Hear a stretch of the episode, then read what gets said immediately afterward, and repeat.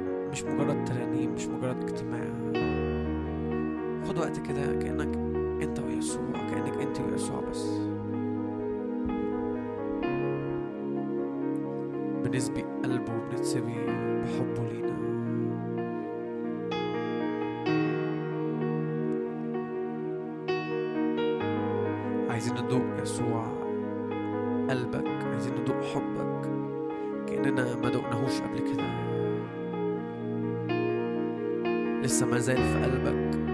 حب أكتر لسه ما زال في قلبك. كلام نعمة لسه ما زال في قلبك. إكرام لسه ما زال في قلبك يسوع. كلام حب لعروستك. نحن نحبه لأنه أحبنا أولا.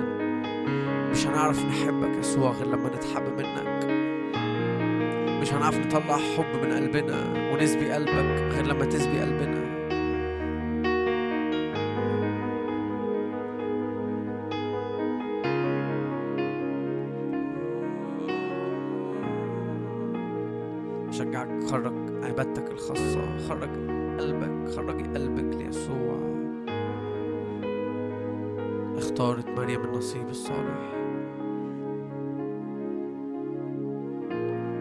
وبنثبت عينينا كده.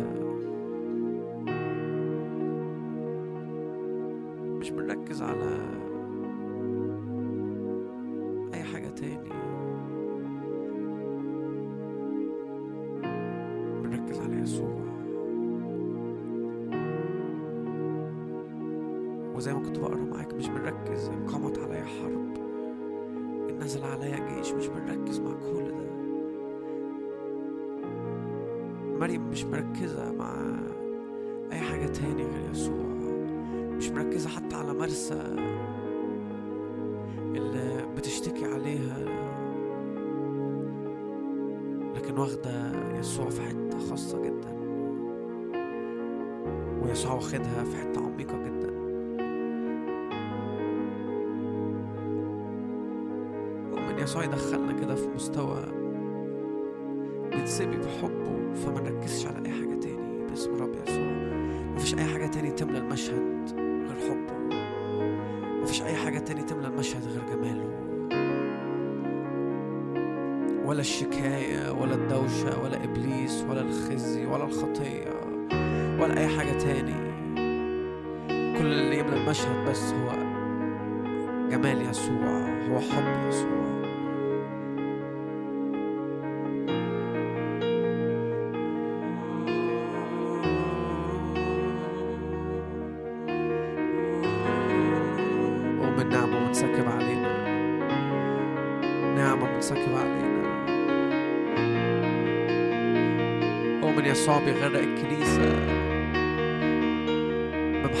خاصة جدا بخمر وزيت.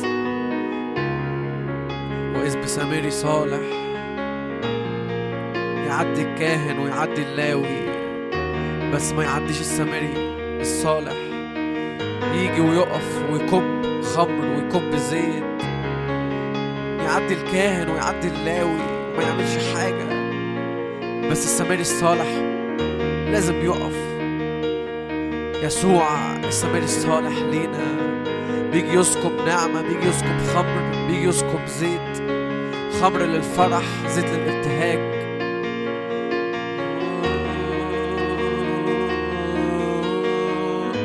بيضمد الجروح وبيسكب فرح باسم رب يسوع والشبع.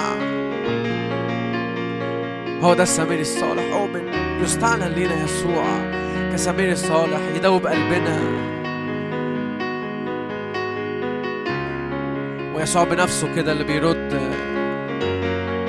على مرسى يقول لها إنه مرسى أنت بتهتمي بتضطربي بأمور كتير لكن الحاجة إلى واحد والرب بيمدح مريم لانها اختارت تبقى عند رجليه اختارت إنها ما تعملش أي حاجة تاني غير إنها تفضل عند رجليه اختارت إنها ما تركزش مع الدوشة اختارت إنها ما تركزش مع الشكاية.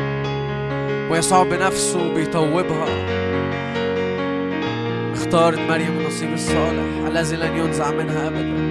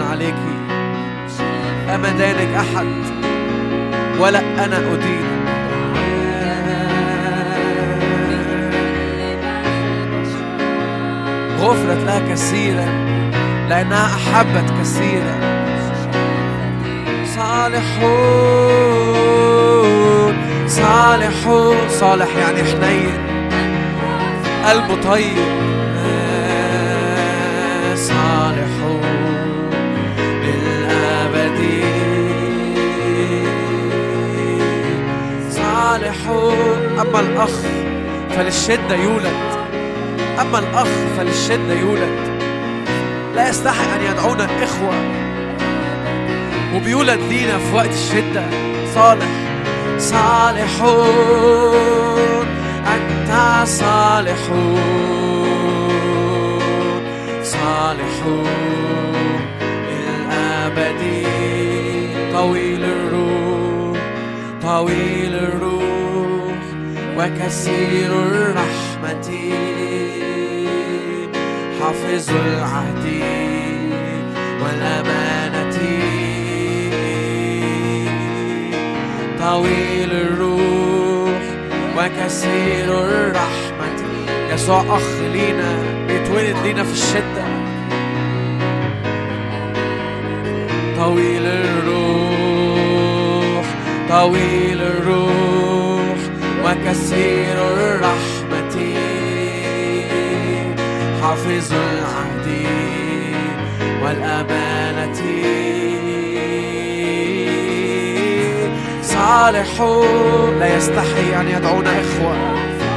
مش بيتكسف مش بيخجل إنه يقول إن إحنا إخواته. وأما الأخ فللشدة يولد.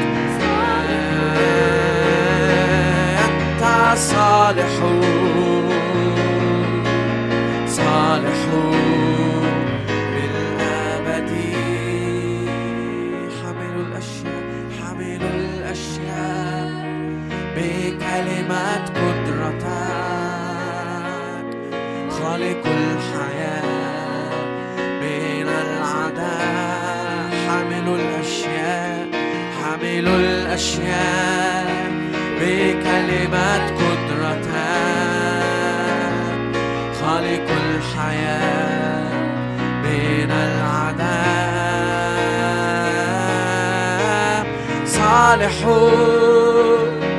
أنت صالح.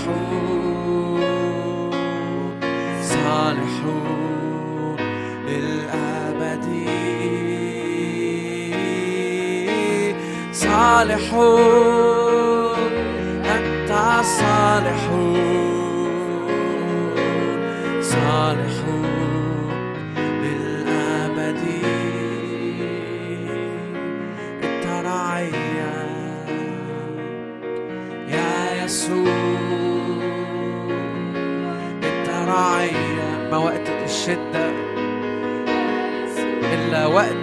يسوع الأخ يتجلى لينا. وقت الشدة ما هو إلا إنه يسوع الأخ يتولد لينا. أما الأخ فالشدة يولد. أؤمن وقت إظهار نعمة يسوع الأخ كبير بكر بين إخوة كثيرين أنت رعيا يا أخ جدع جدا أخ حنين جدا يسوع. أنت رعيا يا يسوع. أنت رعيا يا يسوع. أنت رعيا يا يسوع.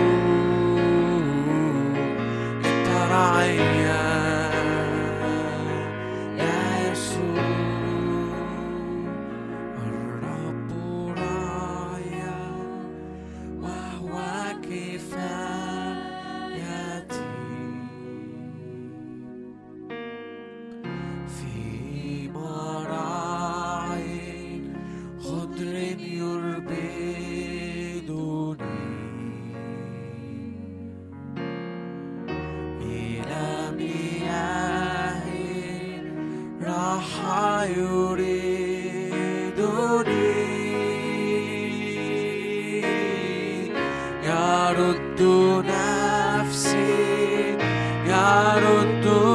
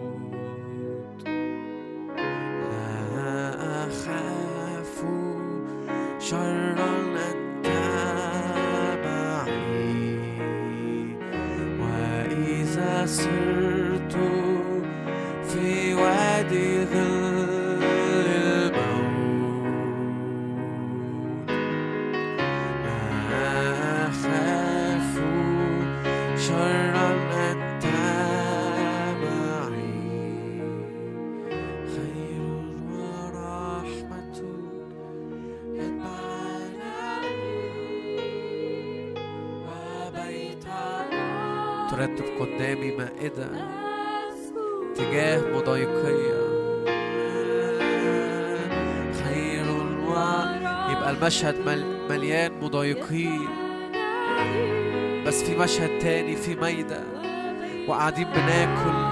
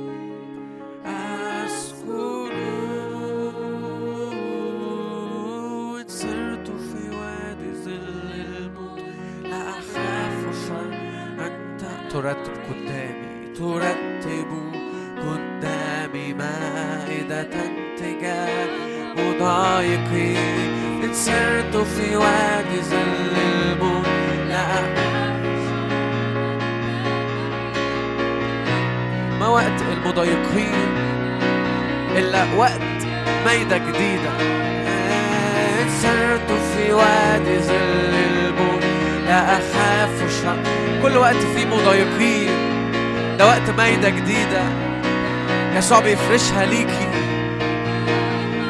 إن سرت إن سرت في وادي كأنه بياخدك كده بياخدك تتعشوا مع بعض. بيقول في سفر الرؤيا افتحوا ليا اتعشى معاك وتتعشوا معايا. هي دي المايدة ان في وادي ظل ده وقت المضايقين. وقت مايدة جديدة باسم رب يسوع. وقت شبع جديد وقت فرح جديد. وقت تجليات نعمة جديدة من يسوع. إن سرت في وادي ظل الموت. لا أخاف شرا أنت معي. ترتب قدامي أنت صالحون أنت صالحون أنت صالحون أنت صالحون يا يسوع أنت صالحون أنت صالحون أنت صالحون هم خبزا لنا. هم خبزا لنا. أنت راعي راعي الأمين.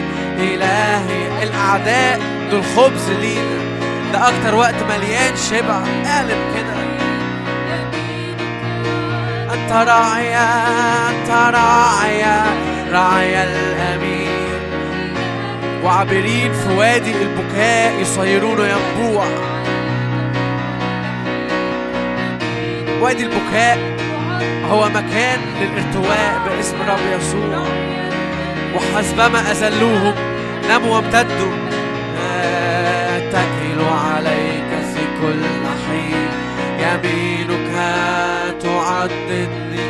أنت صالحون أنت صالحون أنت صالحون يا يسوع.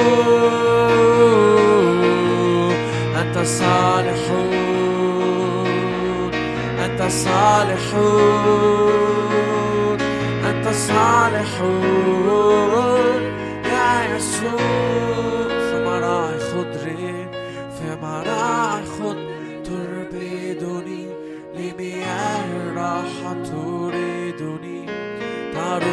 نفسي وتهدني إلى سبل البر تقودني لمراعي خضر تربدني لمياه الراحة راعي حنين جدا سميري صالح. إلى سبل البر تقودني في مراعي خضر تربدني لمياه الراحة تريدني. ترد نفسي وتهدني إلى سبل البر تقودني أنت صالح. أنت صالح. صالحون يا يسوع. أنت صالحون أنت صالحون أنت يسوع صالح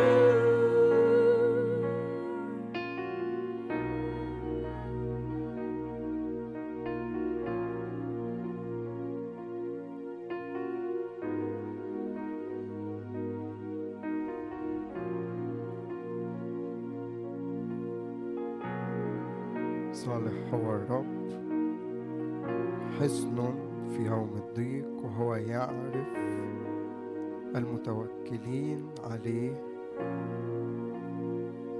بنتكل على الرب.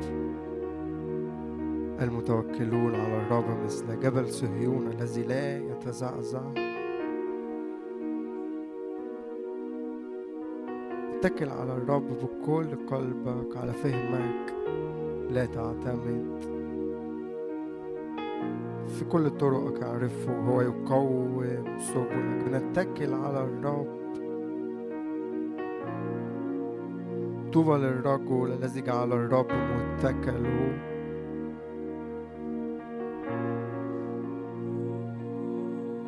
نتكل على الرب. متكلي منذ صباي. في المزمور يقول له كده. عليك ألقيت من الرحم من بطن أمي أنت إلهي. نتكل على الرب نتكل على الرب. نتكل على الرب يعني نسند عليه بكل حاجة نرمي كل حاجة على الرب. القي على الرب همك هو يعولك. نتكل على الرب لأنه الذي معه أمرنا. نتكل على الرب الذي يحملنا الذي حملنا في كل الطريق. ويحملنا وسيحملنا نتكل على الرب. الحصن الملجأ الصخرة الصخر الكامل صنيع جميع سبله عدل إله أمانة. لا جور فيه البتة نتكل على الرب. ارمي نفسك على الرب. ارمي نفسك على الرب. ملقين رجاءكم بالتمام على النعمة. نرمي كل حاجة على الرب. نتكل على الرب.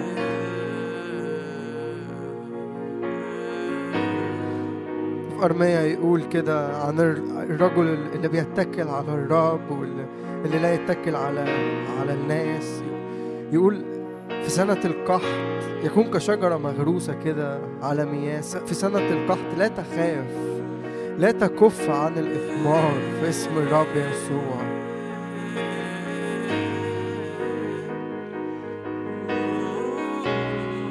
نتكل على الرب. هو يعرف المتوكلين عليه هو يعرف المتوكلين عليه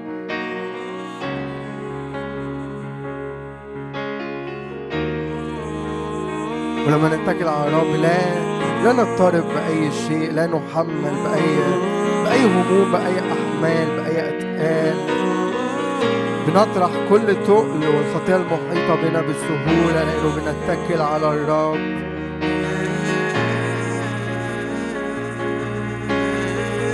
في أرميا يقول له كده حين كان مسيرك في الطريق الرب هو اللي بيسيرك في الطريق فاتكل على الرب.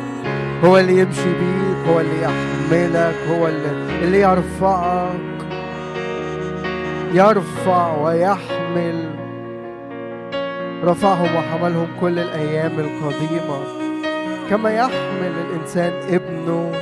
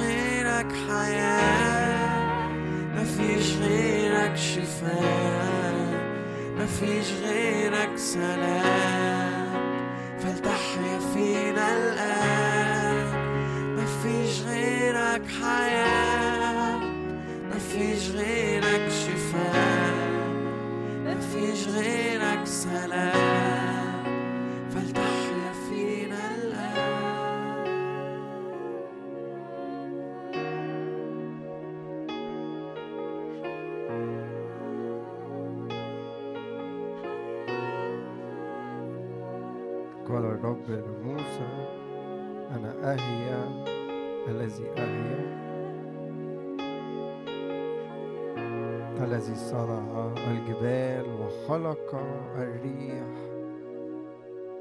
الذي يمشي على مشارف الأرض. يهوى اسمه. قال هذا اسم هذا ذكري إلى دور فدور يهوى الكائن.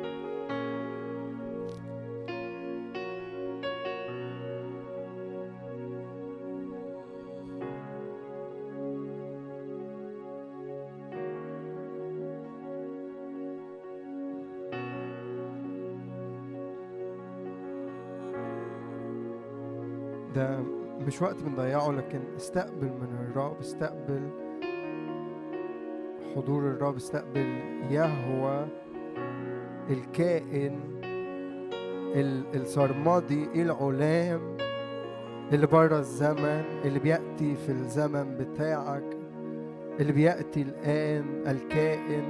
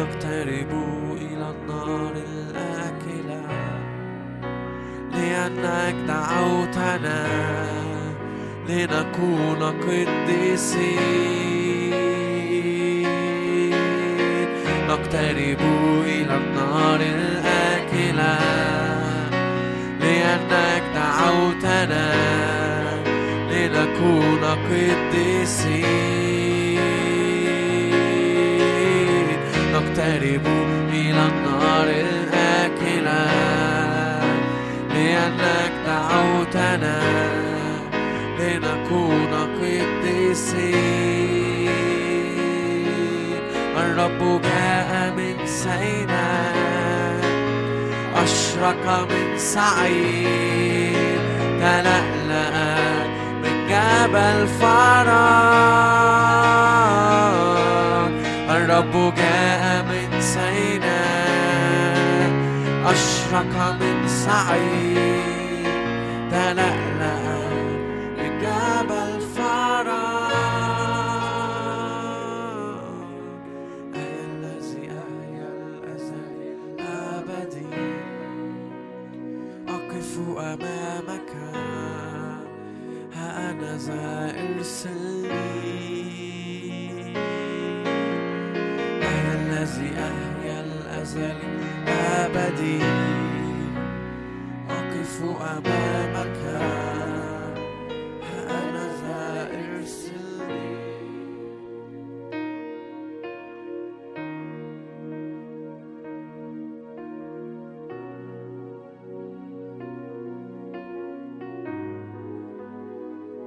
ليس مثلك.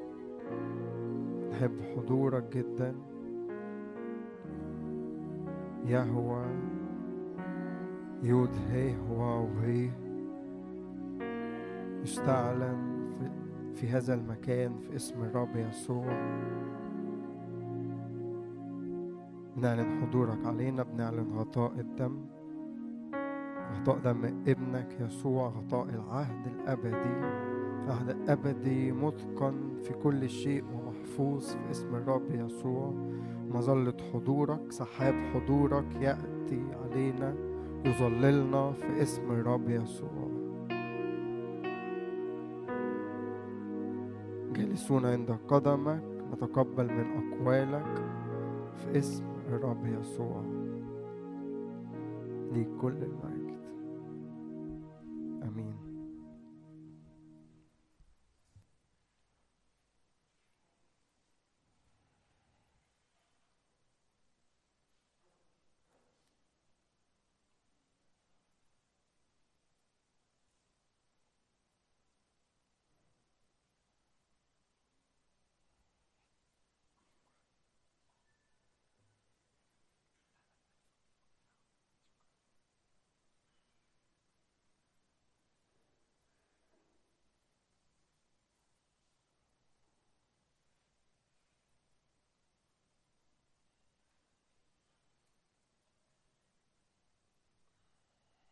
مساء الخير. إيه الأخبار؟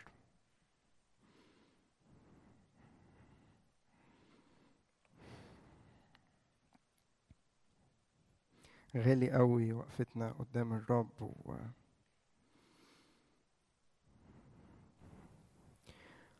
ويعني أنا مبسوط قوي إن أنا معاكم هنا و...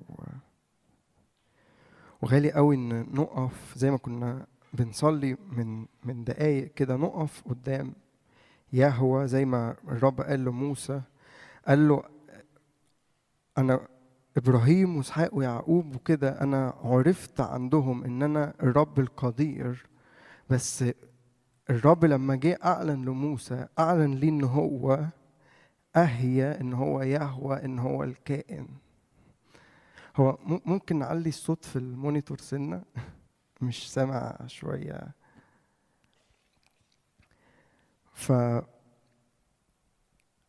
بره الحتة ديت بره يهوى بره الرب الكائن دوت آه، في الحقيقة إحنا يعني كنت عمال بفكر كده إنه الرب مع الرب بره الزمن.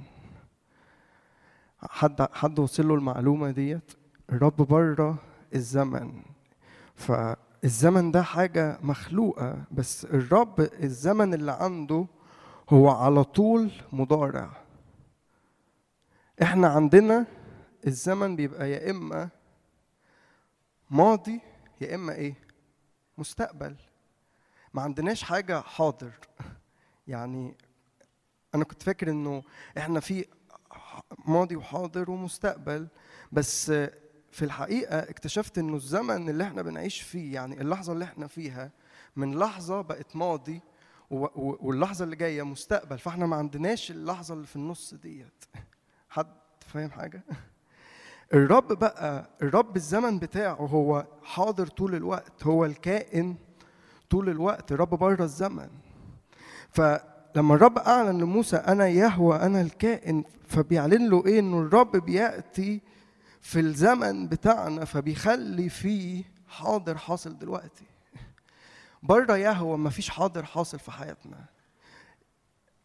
بره يهوى هو هو فيه كل الترتيب بتاع حياتنا بيحصل. براه ما فيش أي ترتيب. براه كل حاجة منعكشه كل حاجة مش في مكانها هو لم- لما الرب ياتي بقى في الزمن بتاعنا دوت يعني بحب من الاسماء اللي بحبها للرب إيه اسم اسم كده اسمه إيه العلام الرب السرمدي إيه العلام ده يعني إله الدهر الازلي الأبدي اللي بره الزمن. لما الرب بيأتي في الزمن بيفتدي بقى الماضي بتاعي وبيصنع المستقبل بتاعي. لو الرب لو ما وقفتش قدام إيه العلام دوت لو ما وقفتش قدامي يهوى دوت وجه في الزمن بتاعي أنا ما بقاش عندي حاضر فالماضي بتاعي مش بيفتدى والمستقبل بتاعي أي حاجة بقى بت- بتصنعه مش الرب. فعشان كده مهم إدراكنا وإحنا واقفين بنعبد كده زي ما كنا بنرنم اهيا الذي اهيا ده اسم غالي قوي ده اسم الرب. لما لما بتعلن الاسم ده الرب بيأتي. الرب قال لهم في العهد القديم في كل الأماكن التي أصنع لاسمي فيها ذكرا آتي إليك وأباركك. يعني هم كانوا مدركين قوي في العهد القديم الإعلان دوت إن كل مرة بيتقال اسم الرب الرب بيجي. ف يعني ما كانش في مرة هم هم إدراكهم كده ما كانش في مرة هيقولوا اسم الرب هيقولوا يهوى والرب مش هيجي. لأنه الرب قال لهم في كل الأماكن اللي هصنع الاسم فيها ذكرا هأتي. عارفين الآيات؟ نطلعها. تعالوا طيب نطلعها.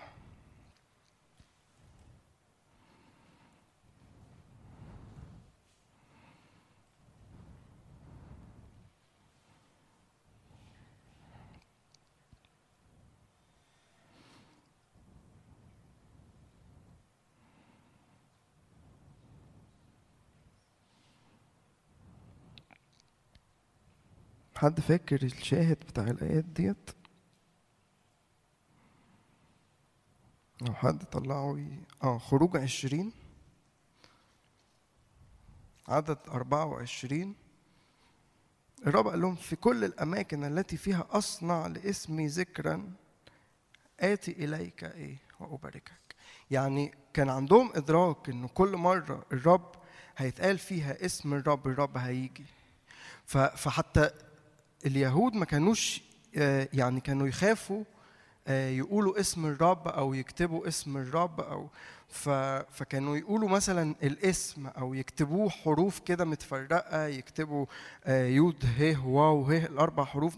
يعني بس هم لأن كانوا بيخافوا قوي من الاسم ده لأن كل مرة هيحصل إعلان للاسم دوت ليهوه الرب هيجي ف كل مرة ب ب بنعلن اسم الرب دوت الرب بيجي كل مرة بنعلن يهوى بنقف قدام يهوى الرب ده بقى الأزلي الأبدي اللي بره الزمن بيجي في الزمن بتاعنا فبيفتدي الماضي بتاعنا وبيصنع لينا مستقبل.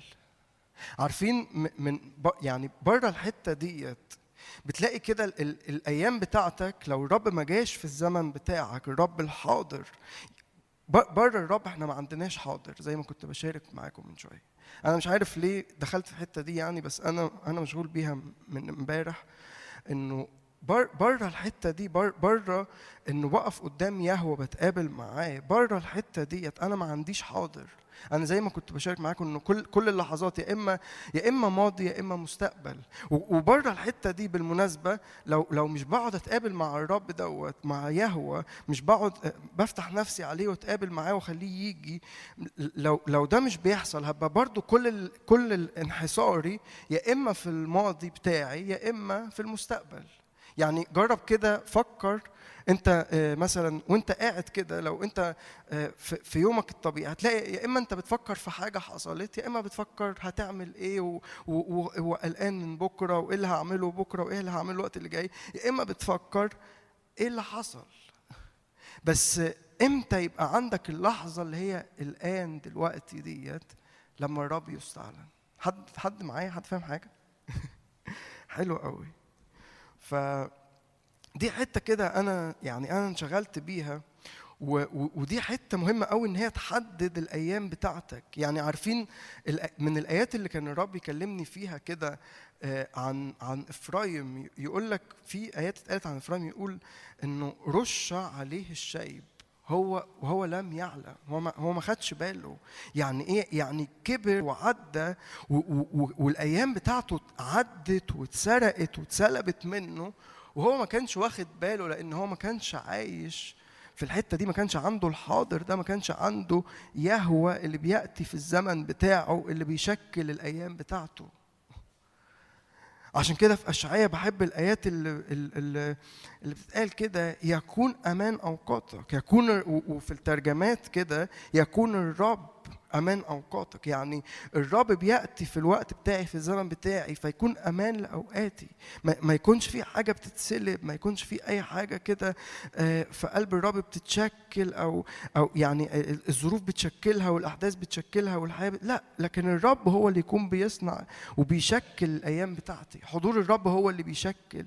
الأيام بتاعتي. حد عطشان لدوت إنه الأيام بتاعتي ما تكونش بتتشكل بأي حاجة. الأيام بتاعتي ما تكونش بتتشكل بالطبيعي ما تكونش بتتشكل بالظروف ما تكونش بتتشكل بالأحداث وباللي حواليا وباللي حاصل. لكن لما بقف في الحتة دي بتقابل مع الرب يوم بعد يوم بعد يوم الرب بيجي فبيفتدي الماضي بتاعي وبيشكل المستقبل بتاعي. آمين؟ عارفين بحب قوي الآيات لما يعني لما الرب أعلن ليهم الاسم دوت اسم يهوة فلما خرجوا بقى من أرض مصر يعني ده كان أول إعلان الرب جه أعلنه لموسى عشان يخرجوا. لما الرب أعلن ده لموسى وخرجوا وجم كده وهم في البحر في تعبير كده يقول لك راح عمود السحاب اللي كان ماشي قدام الشعب جه من قدام الشعب وقف ورا الشعب بين الشعب وما بين ما بين شعب إسرائيل وما بين المصريين. حد عارف آيات؟ ف ده معناه إيه؟ يعني كأنه كده الرب راح جه في الوقت دوت ففصلهم عن الماضي فقال لهم المصريين اللي أنتوا شفتوهم مش هترجعوا تشوفوهم تاني.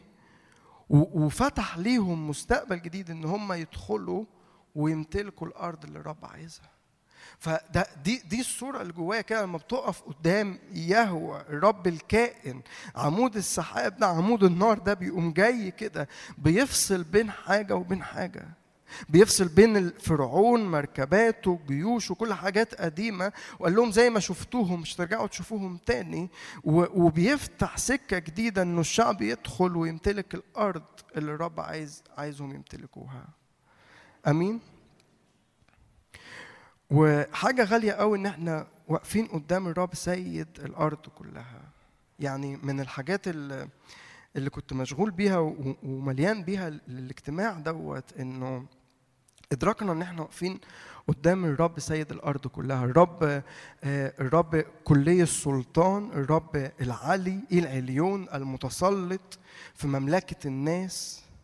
أوقات كتير كده بنتخيل إنه آه، يعني أو أو اللي جوانا أو كأنه كده الرب هو مش مش مش هو المتسلط مش هو أعلى حاجة. لا لكن الرب النهارده يشجعك. أنت بتقف قدام إيه العليون؟ الرب العلي الرب آه، المتسلط سيد الأرض كلها المتسلط في مملكة الناس. يعزل ملوك ينصب ملوك.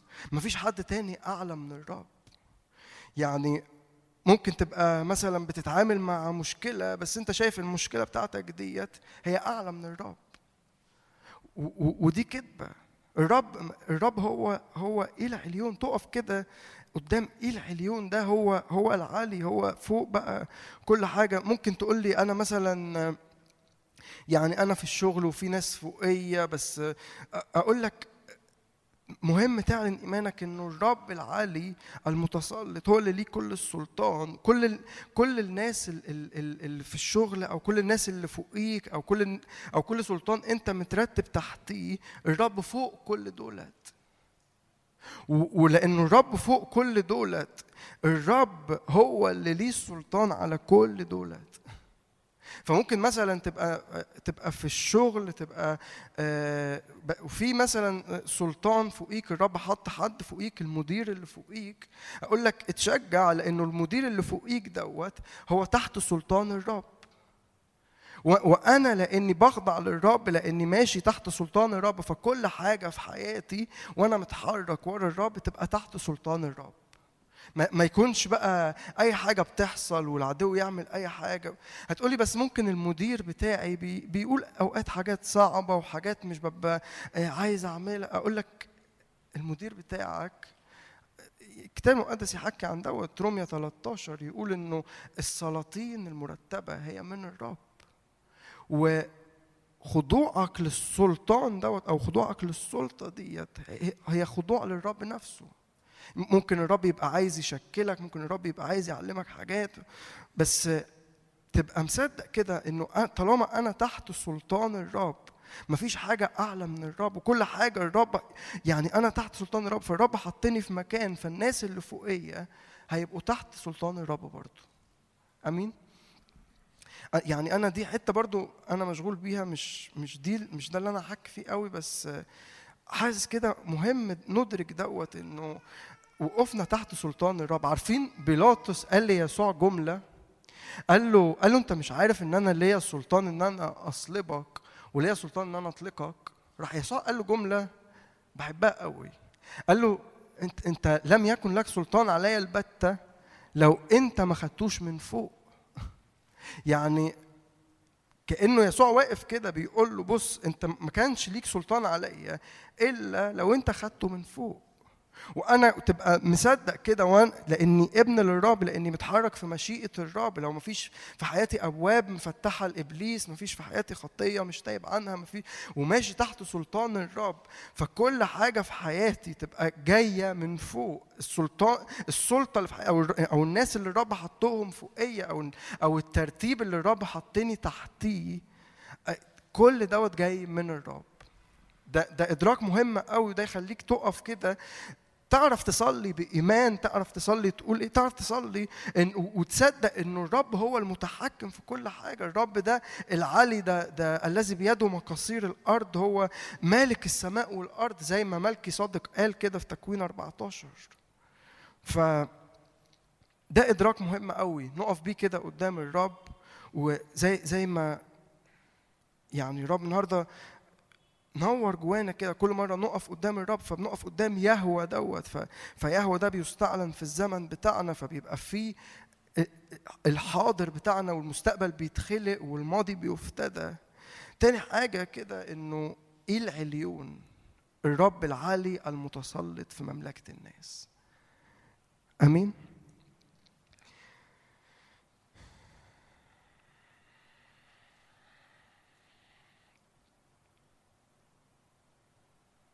تعالوا نروح خروج 33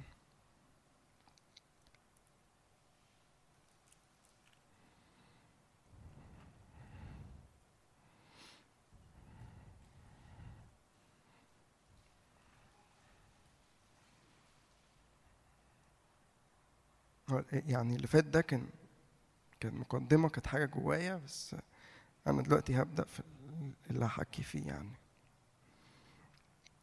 واللي جوايا كده أو لو عايز تسمي اسم المشاركة دي أو إنه كأنه كده مفاتيح الرب يديها لنا المفاتيح دي هنكون بنبص كده في خلال الرحلة مع الرب في خلال رحلة الرب مع الشعب في العهد القديم من أول ما خرجوا. في دروس كتير وفي مفاتيح كتير كده الرب نورها في الكلمة. آه، عشان يمتلكوا الأرض. الرب كان كان بيكل يعني كان مخرجهم عشان يمتلكوا. ما كانش مخرجهم عشان يدوروا في البرية وكان قصد الرب إنه يخرج الشعب عشان يمتلك. ففي شوية حاجات كده أو شوية مفاتيح هنبص معاها لأنه إيماني في الوقت دوت ده زمن امتلاك. أمين؟ حد مصدق؟ الرب الرب يدخلني أراضي جديدة أمتلك أراضي جديدة ولو أنت قاعد كده وتحب ترفع إيدك قول في اسم الرب يسوع الرب يدخلني أراضي جديدة وأمتلك أراضي جديدة والرب يكلمني عن المفاتيح ديت. ف أنا أنا لو مك يعني أنا لو مكانك وقاعد بسمع مثلا مشاركة زي كده هقعد كده وهفتح الآيات وهكتب النقط ورا الرب وهروح هقوم فاتح تاني الآيات واقف بيها قدام الرب وأقول له أنا عايز كل مفتاح من اللي أنا سمعت عنهم دول يكون حاصل في حياتي عشان أنا مصدق أنت عايز تدخلني أرض جديدة. مهم مهم وغالي قوي إنك تعمل كده. يعني أنا بحب قوي يعني شيرين مثلا وبستغل قوي الخدمة ال- يعني حاجة غالية قوي إن بتقعد تكتب الوعظات ويعني وأشجعكم لو لو يعني في في أوقات مثلا ما يبقاش عندك وقت تسمع الوعظات اللي بتنزل أو كده دكتور نادر وفي فلو لو ما عندكش وقت خش عند شيرين هتلاقي منزلة الوعظة. فدي يعني دي حاجة غالية قوي و و و يعني أنا أوقات مثلا لو ما عنديش وقت أو حاجة فاقوم داخل كده يعني ألقط لي جملتين حاجة. ف فدي حاجة غالية إنك تستغل كلمات الرب بالشكل دوت. آمين. خروج 33 و ولو أنت كنت موجود الثلاث اللي فات كان كان القسيس ميمي بيحكي عن عن الحتة ديت. ويعني لو ما كنتش موجود أشجعك تسمع المشاركة الثلاث اللي فات. وده أول يعني ده أول مفتاح وأنا حاسس يعني أنا أنا عايز أتكلم عليه في الأول لأنه ده ده حاجة مهمة قوي وحاجة غالية قوي إنه جه وقت الرب قال لموسى أنا مش هطلع معاكم وأدخل الأرض. أنا هبعت ملاك والملاك ده هيدخل وهتمتلكه وكل حاجة هتبقى زي الفل. يعني أنا أنا بحب يعني مثلا لو بصيت على القصة كده لو كان ده فعلا حصل يعني ما كانش بقى موسى وقف وقال له لأ وليس بمسيرك نمتاز ولو إن لم تصعد فمش هنتحرك. لو ما كانش موسى عمل كده وكان موسى قال للرب ماشي وكانت دي القصة دي اتكتبت كانت هتبقى قصة كويسة قوي وهنتشجع بيها يعني آه يعني مثلا في عدد 12 خروج 33 12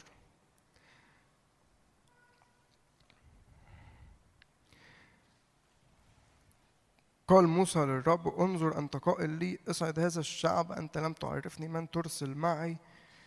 أنت قد قلت عرفتك باسمك وجدت نع... أيضا نعمة في عيني.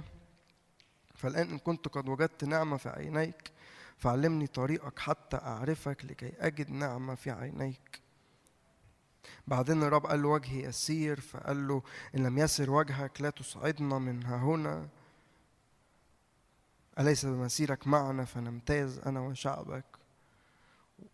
كلكم عارفين القصة بس أنا أنا بقعد أتخيل لو ما كانش موسى وقف وقال للرب كده وكانوا فعلا كان الرب الرب جه قال له كده قال له لأنه الشعب ده مش مقدس ليا لأن عملوا بقى العجل وقال له لو أنا مشيت وصعدت في, قدام الشعب دوت هفنيهم. لو لو ما كانش موسى بقى وقف وقال للرب آه، لا وبمسيرك معنا بنمتاز و و وإنت لازم. وكان قال له آمين يعني ابعت الملاك وآمين دخلنا الأرض كنا هنبص على القصة هن... كنا هنتعزى يعني كنا هنشوف كده واو ده الرب بعت ملاك وخلاهم يدخلوا الأرض ونقعد بقى أنجزت وعدك لأنك صادق وامتلأوا امتلكوا الأرض وكل حاجات كانت في قلب الرب حصلت وخلاهم يمتلكوا فعلا. بس تبص على القصة كده في حضور الرب مش في المشهد. موسى هنا است... يعني أنا أنا بستغلى ال... ال... ال- الحتة ديت لأنه أوقات كتير ممكن نبقى مركزين الرب يعمل إيه ونمتلك وندخل الأرض بس من من غير حضور الرب في المشهد. لو ما فيش حضور الرب في المشهد ما فيش أي حاجة زي ما كنت بحكي معاك في البداية يهوى لو ما فيش يهوى في المشهد ما ما في حاجة غلط ممكن كل حاجة تمشي الأيام تمشي الأيام تعدي الخدمة تعدي البيت وكل حاجة هي ماشية يوم ورا التاني ورا- بس موسى أدرك إنه من غير حضور الرب من غير إنه بقف قدام الرب ده والرب يتحرك قدامي ما ما, ما- فيش حاجة ب- يعني بره الحتة دي ما فيش حياة موسى استغلى جدا مجد الرب كأنه بيقول للرب أنا مش فارق معايا أدخل الأرض وامتلك لو أنت مش هتتحرك قدامي كأن موسى بيستغلى حضور الرب أكتر من إنه يمتلك أوقات كتير بن- بنستغلى إنه أمتلك أو إنه أدخل وأوصل لحتت مع الرب ويبقى عندي مواهب روحية ومش عارف. بس الفكرة القصة كلها بقى في حضور الرب. ولو مركز في حضور الرب كل حاجة تاني بتيجي حواليه. هو المركز هو في المشهد. أمين؟ أنتوا لسه موجودين؟ فده أول مفتاح كده لو من المفاتيح اللي الر- اللي الرب يكلمك عنها لامتلاك كل أراضي في قلب الرب. وده اللي هنعمله في, في نهاية الاجتماع. هنقف نصلي إيماني في أراضي كتيرة الرب عايز يدخل يدخلنا ليها الوقت اللي جاي. و و ولأنه الرب عايز يدخلنا الأراضي ديت فواقفين كده النهارده. في حبة حاجات كده مفاتيح معينة يعني خمس أو ست مفاتيح هنتكلم فيهم. المفتاح الثاني في سفر العدد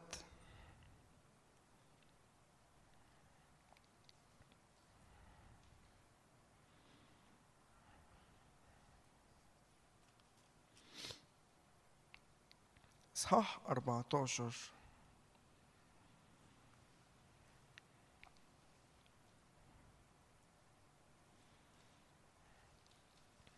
ومن إصحاح 13 الاصحاح اللي قبله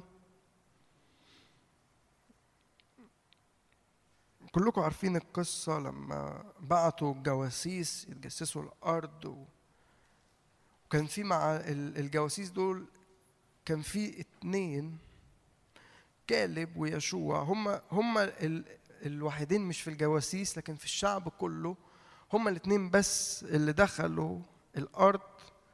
والشعب كله ال... ال... ال... ال... يعني اللي خرج من مصر ما دخلش الأرض.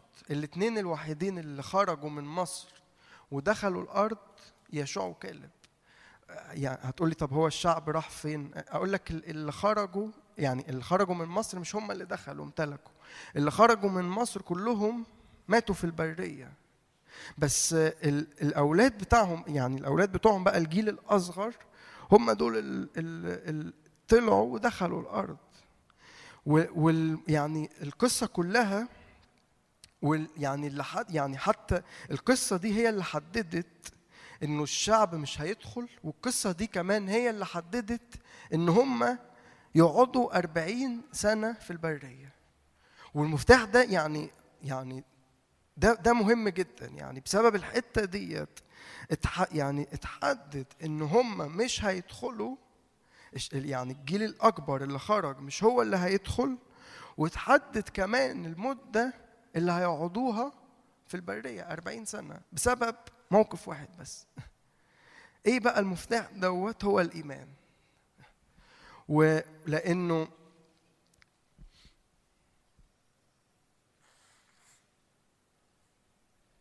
لأني ابن للرب فكل حاجة وأنا ماشي مع الرب هي بالإيمان. بالإيمان نسلك إيه؟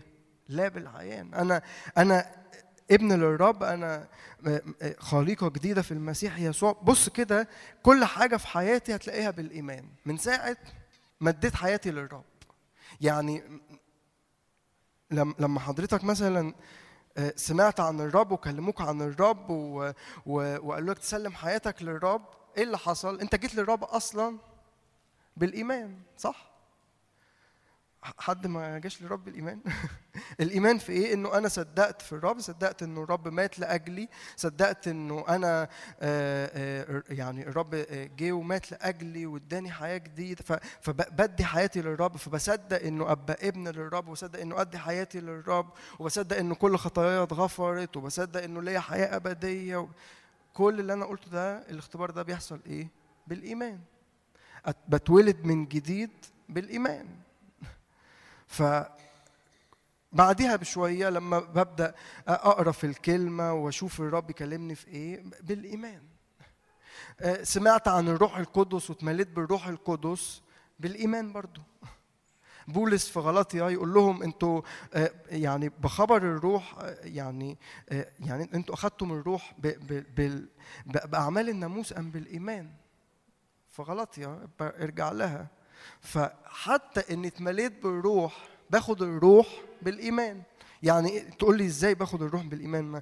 ما, هو باجي كده عرفت سمعت عن الروح القدس وعن الملء بالروح القدس فبصدق إنه إنه آه ده ده ده حقيقة لأنه ده موجود في الكلمة فبصدق إنه الرب بيديني الروح القدس لأنه قال مفيش أب هيسأل ابنه سمكة هيديه حية مفيش أب هيسأل ابنه خبز هيديه حجر لكن يعطي الروح القدس للذين يسألونه. فباجي للرب اصدق وبصلي كده يا رب أنا أنا مصدق إنه زي ما أنت قلت كده أنت بتدي الروح القدس للذين يسألونك. فبصلي كده يا رب أنا عايز الروح القدس وبصدق إنه الرب هيديهولي لأني لأني سألته وباخد الروح بالإيمان. هتقول لي هي بالبساطة دي؟ آه هي بالبساطة دي ما يعني ما ملهاش حل تاني. وببدأ كمان أصلي بالروح لو وأتكلم بألسنة بالإيمان. لو أنا ما عنديش إيمان مش هعرف ولا ولا أتملي بالروح ولا أصلي بألسنة ولا ولا أصلا أدي حياتي للرب لأنه الإيمان هو المفتاح لكل حاجة في حياتي. الإيمان هو البيز بتاع أي حاجة هو القاعدة الأساسية لأي حاجة تحصل في حياتي من الرب هو الإيمان. لو أنا ما عنديش الإيمان دوت مش هعرف أختبر أي حاجة من الرب من أول الولادة الجديدة للملء بالروح لأي اختبارات بعد كده. لو الإيمان مش موجود مفيش أي حاجة من الحاجات دي هتبقى موجودة. صح ولا إيه الأخبار؟ ف القصة ديت في- سفر العدد يعني وأنا التعبير اللي, اللي عايز أخده سفر عدد 14 عدد 11 قال الرب لموسى حتى متى يهينوني هذا الشعب؟ وحتى متى لا يصدقونني؟ وال- والوقت اللي فات الرب قال لي جملة كده آه، صعبة قوي يعني. قال لي كل مرة أنت مش هتصدقني أنت بتهني دي جملة توجع قوي يعني كل مرة تخيلوا هنا وآيات تاني تلاقي يقول لك أهانوني بعدم تصديقهم إياي الرب يفرق معاه قوي الإيمان. لو أنا ما صدقتش في الرب دي إهانة للرب. الإيمان ده بقى في كل حاجة. يعني ممكن يعني مثلا مش مصدق الرب إنه آه، مكلمني عن حاجات معينة تحصل في حياتي بس أنا أنا مش مصدق الرب. أنا كده بهين الرب.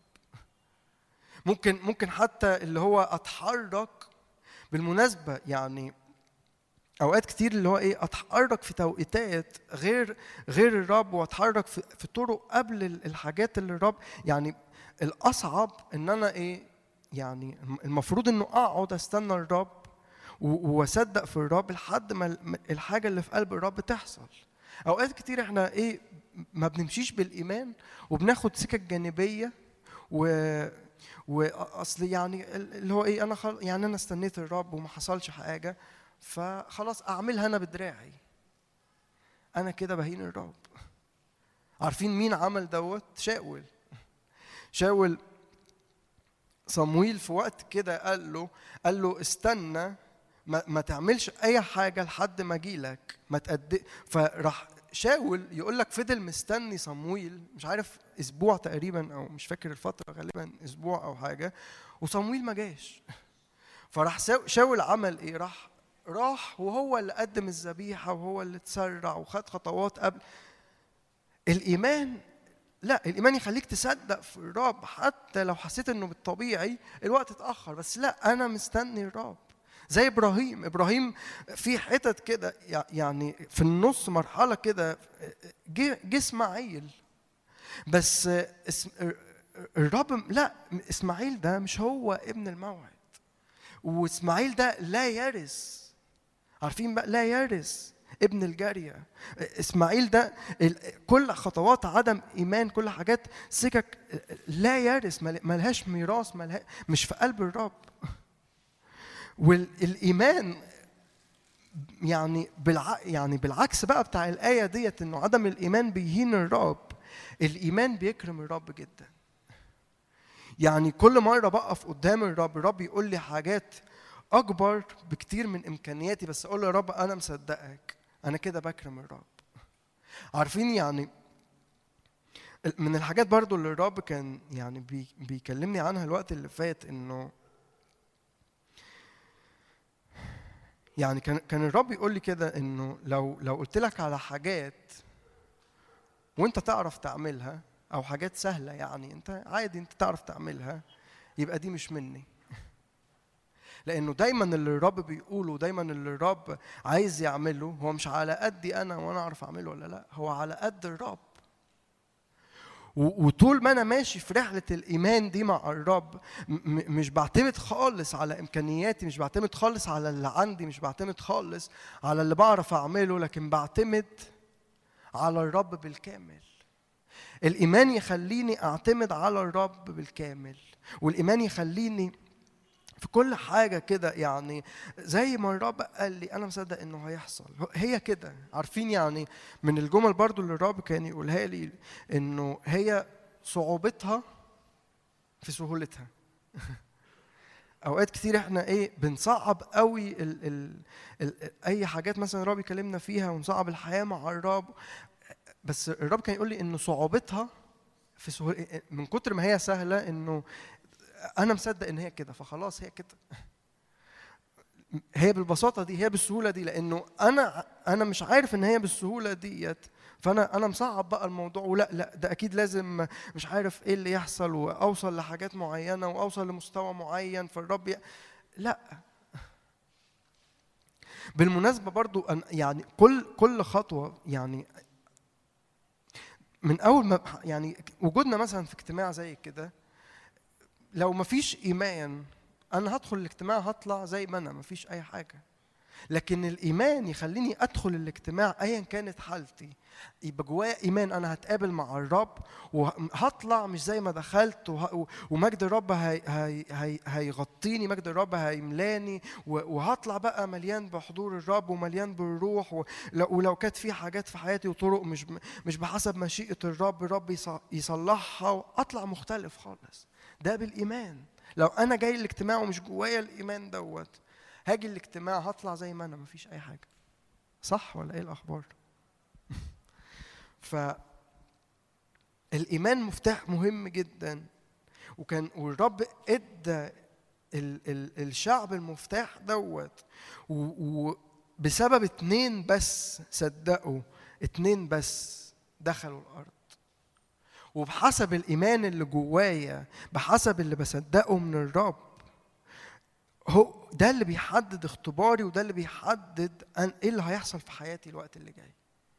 الإيمان اللي جوايا تقول لي طب أنا مش جوايا إيمان أقول لك لا دي كذبه لأنه في روميا يقول لك الرب قسم لكل واحد إيه؟ مقدار من الإيمان. يعني في جواك إيمان حتى وأنت مش عارف. لكن ببساطة إيه اللي بقى اللي تعمله إنه أبدأ أسلك بالإيمان ده أبدأ أمشي بالإيمان ده أدرب حواسي إن هي تمشي بالإيمان ده. ما, ما, ما أمشيش باللي أنا شايفه باللي معتمد عليه. يعني مثلا الرب مكلمني عن حاجة تحصل.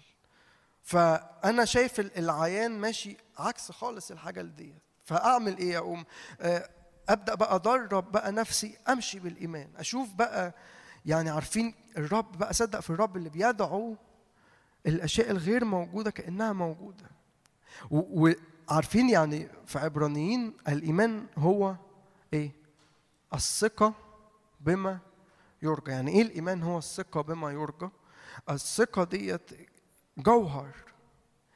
يعني الإيمان هو جوهر الأشياء المرجوة.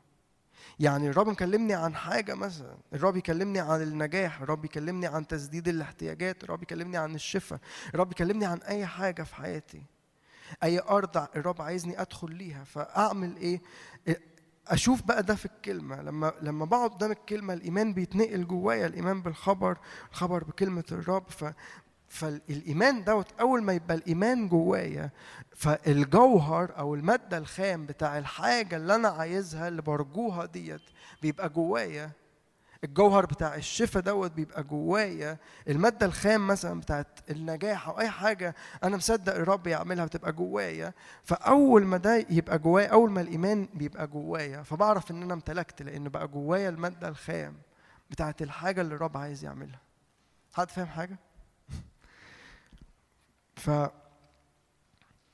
أنا طولت قوي في يعني في المفتاح دوت بس ده ده مفتاح مهم قوي ومهم نستغله قوي يعني وما نكونش كده آه، يعني يعني الحتة دي بالتحديد الرب قال إنه ما صدقونيش فالنتيجة هم إيه؟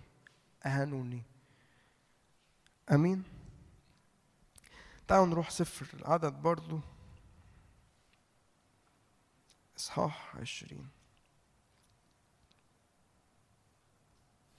أنا يعني مش بطلع كل الآيات أو عشان الوقت بس تقدر أنت بقى تروح تقرأ عن الإيمان دوت وتقرأ مثلا رومية أربعة تقرأ عبرانيين عبرانيين أربعة عبرانيين 11 إصحاح كامل بيحكي عن أبطال الإيمان. تبدأ كده تشوف بقى والرب يكلمك عن الإيمان. تالت مفتاح عبراني إيه، سفر العدد اصحاح 20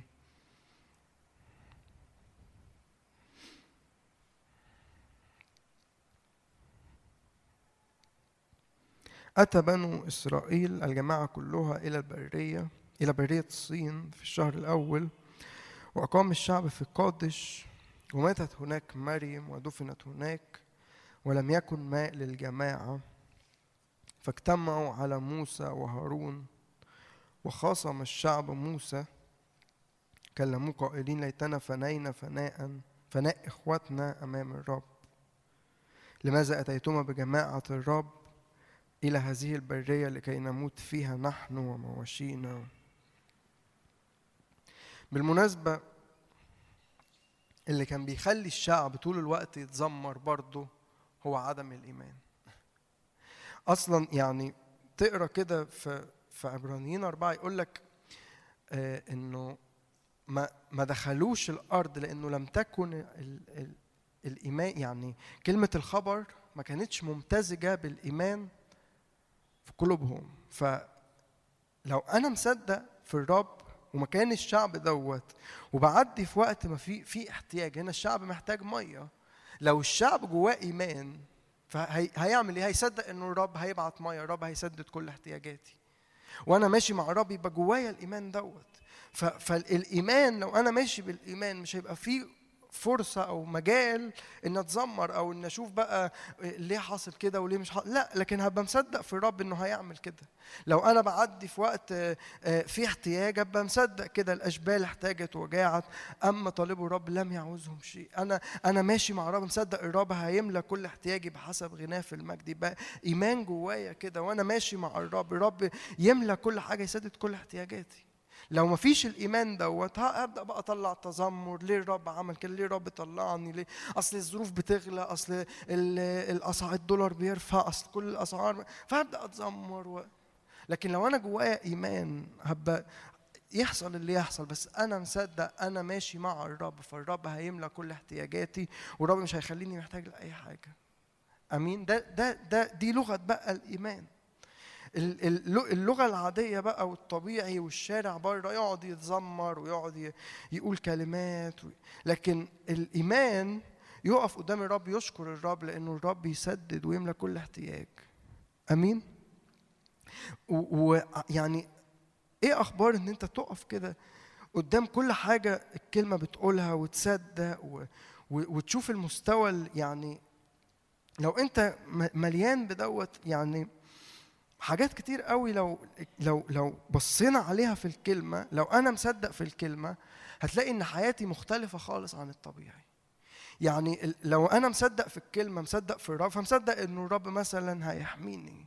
لو لو لو أنا في خطر لو حياتي في خطر لو بس مصدق الرب هيحميني الرب ملجئي الرب حصني. يعني عارفين بقعد أبص مثلا على داوود. داوود يقول ده لو نزل عليا جيش لا يخاف قلبي. تخيلوا لو أنا طلعت بره واحد ثبتني هيبقى إيه رد فعلي؟ أو مثلا بقى يقول لك أنا خايف أمشي في الشارع أو لوحدي بالليل أو الإيمان بقى يخليني أنا ماشي ورا الرب متكل على الرب بالكامل. مش معتمد على أي حاجة. بره بقى يعملوا اللي يعملوه بس أنا مش بتصرف زي العالم بره. يعني يعني دي حتة جانبية ولو قعدت اتكلمت فيها كتير ما يعني مش هخلص يعني. بس يعني مثلا من الحاجات برضو اللي جوايا كده كلمة برضو تحكي عنها آه، ينامون ليس من يزعجهم. ابقى مصدق كده إنه الرب آه، يعني آه، ما فيش مش هصحى على أي أخبار مزعجة مش هصحى في ناس بقى اللي هو إيه آه، وممكن يبقوا مؤمنين بس اللي هم يناموا مستنيين يصحوا بكرة على أخبار تضايقهم يعني. لو أنا مصدق في الكلمة هنام كده وأنا ما فيش أي حاجة في دماغي لأنه أنا مصدق الرب كل حياتي تحت تحت حضور الرب تحت هيمنة الرب. الرب هو ال- ال- ال- اللي مغطي كل تفاصيل حياتي وكل أحداث حياتي وأنا مش منزعج بأي حاجة حلو الإيمان مش كده؟ المفتاح بقى الثالث اللي أنا عايز أتكلم عنه هنا في الرب قال لموسى بقى عدد سبعة يعني سفر العدد عشرين برضو نفس في عشرين سبعة. كلم الرب موسى قائلا خذ العصا واجمع الجماعة أنت وهارون وأخوك وكلم الصخرة أمام أعينهم أن تعطي ماءها فتخرج لهم ماء من الصخرة وتسقي الجماعة ومواشيهم.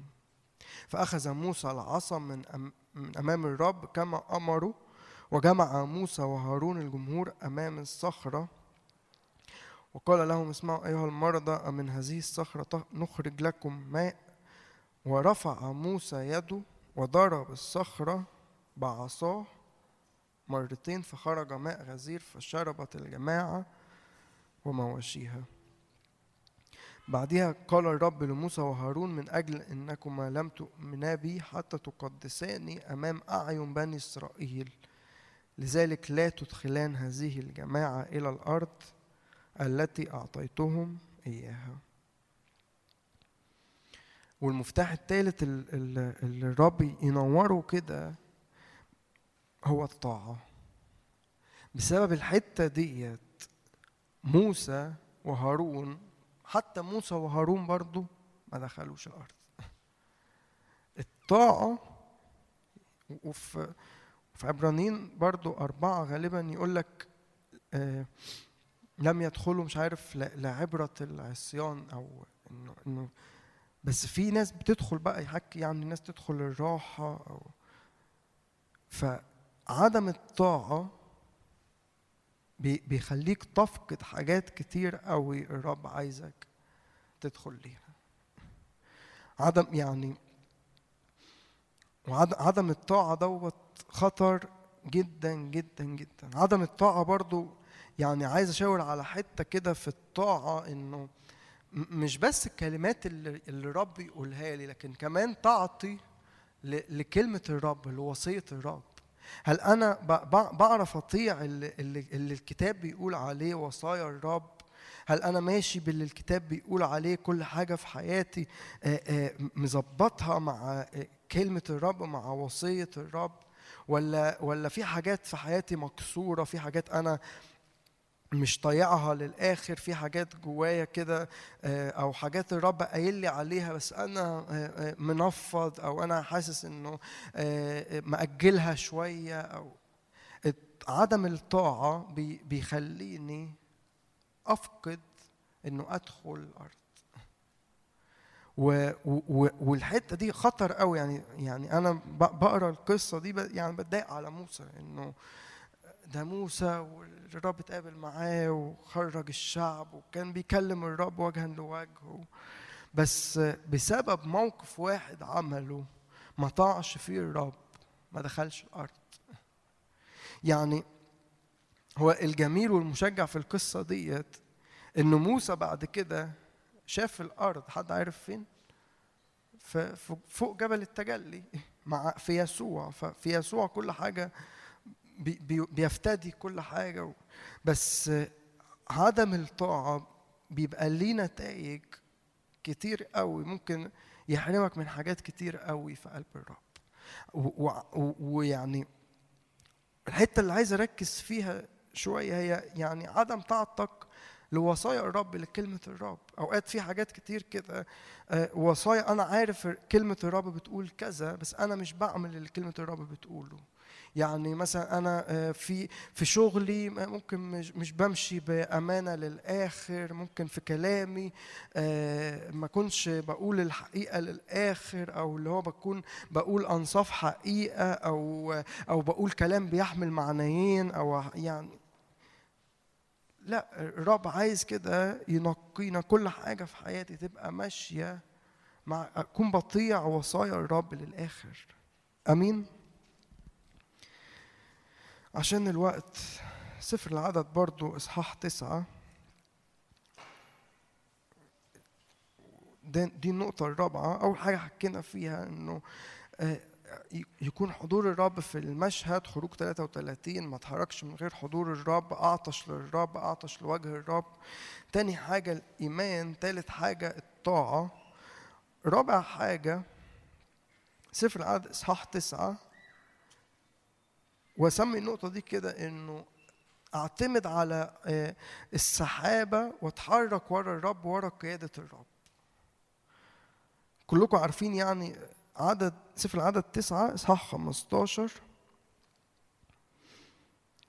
في يوم إقامة المسكن غطت السحابة المسكن خيمة الشهادة في المساء. كان على المسكن كمنظر نار إلى الصباح.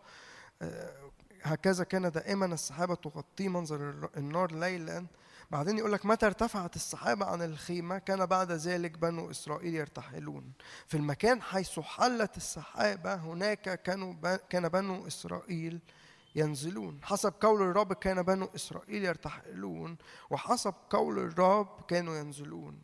جميع أيام حلول السحابة على المسكن كانوا ينزلون. إذا تمدد السحابة أيام كثيرة كان بنو إسرائيل يحرسون ولا يرتحلون. بعدين يقول لك في عدد 29 آه، 22 يقول لك عدد 20 يعني نقرأ عدد 21 مثلا يقول لك آه، لو قعدت يوم يقول لك ثم ارتفعت السحابة في الص- الصباح كانوا يرتحلون أو يوم أو ليلة بعدين 22 أو يومين أو شهر أو سنة يعني حسب قول الرب. عدد 23 كانوا ينزلون حسب قول الرب.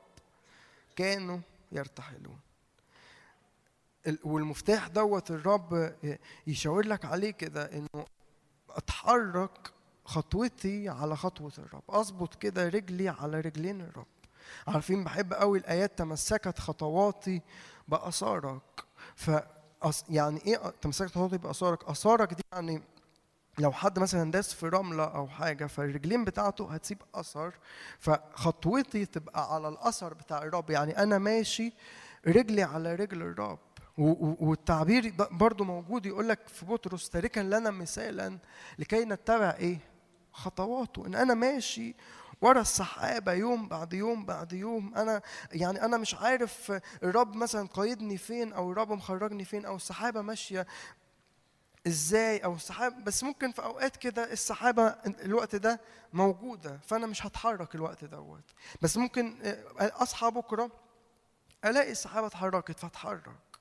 فممكن أقول بقى ده أنا المفروض أقعد وأنا مش جاهز أتحرك دلوقتي بس لأ أتحرك ورا السحابه ممكن آه، ألاقي السحابه يقول لك دي كانت ممكن تقعد يوم أو يومين أو شهر أو سنة. يعني ممكن السحابه تفضل قاعدة سنة. ممكن في أوقات كده تلاقي الرب خلى يعني قعدك فترة كده يوم يومين شهر سنة. أنت قاعد مش بتعمل م- يعني مش بتخدم مش بتعمل حاجة بس قاعد تحت السحابة قاعد في حضور الرب قاعد كده وصلي كده يا رب أنا عايز أكون موجود منين ما السحابة تكون موجودة؟ منين ما أنت تكون موجود يا رب أكون أنا موجود في الحتة دي حيث أكون أنا هناك إيه؟ يكون خادمي. أنا متحرك في الحتة اللي تحت حضور الرب فالسحابة بتتحرك النهارده فأنا هقوم واخد شنطتي ومتحرك ورا السحابة. بس بكرة السحابة قاعدة فأنا قاعد مش بعمل حاجة. و- و- و- و- هل ده يعني عادي إن قاعد مش بعمل حاجة؟ أقول لك آه يعني ممكن ممكن أوقات الرب يقودك كده إنه الوقت ده تقعد كده قدام الرب هدي كل حاجة ما تعمل بس قاعد قدام الرب. أوقات تاني الرب بقى يقودك لأ ده وقت تتحرك والسحابة بتمشي فأنا معتمد على السحابة أنا مش بعتمد على الطبيعي مش بعتمد على العيان مش بعتمد على اللي حاصل لكن أنا ماشي ورا السحابة. زي الشعب هنا الشعب داخل الأرض هو مش عارف بقى يمشي إزاي يتحرك إزاي. يعني وممكن يعني ممكن إيه لو لو مثلا السحابة ما اتحركتش السحابة النهارده واقفة ممكن لو الشعب اتحرك يلاقي في حرب. فالشعب يتحارب. بس الرب مش عايز يخش في الحرب دي. وممكن- العكس يعني ال- الرب يبقى عايز الشعب يدخل يعني السحابة بتمشي تتحرك والشعب يفضل قاعد. فالشعب فتلاقي العدو راح جه للشعب وهو فاهمين قصدي. فأنا مش عارف إمتى أقعد إمتى أتحرك. بس أنا معتمد على الرب بالكامل. مش معتمد على خبرتي مش معتمد يعني عارفين من من من الحاجات الخطر جدا إن نعتمد على خبرتي مع الرب. لأن الحياة مع الرب ما عمرها ما كانت بالخبرة عمرها ما كانت ما, كانتش بالسنين الكتيرة أو أنا بقالي سنين كتيرة مع الرب فبقى عندي خبرة مع الرب. لا الحياة مع الرب معتمدة أنا ماشي خطوة بخطوة ورا الرب يوم بعد يوم بعد يوم. هو متحرك فأنا بتحرك هو هو النهارده واقف فأنا واقف. آمين؟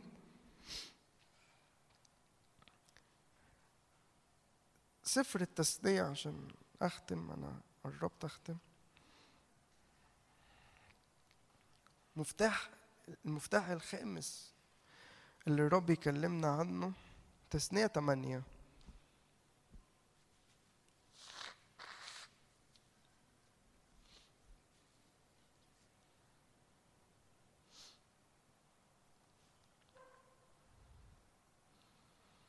عدد واحد جميع الوصايا التي أنا أوصيكم بها اليوم تحفظون لتعملوها لكي تحيوا وتكسروا وتدخلوا وتمتلكوا الأرض التي أقسم الرب لآبائكم.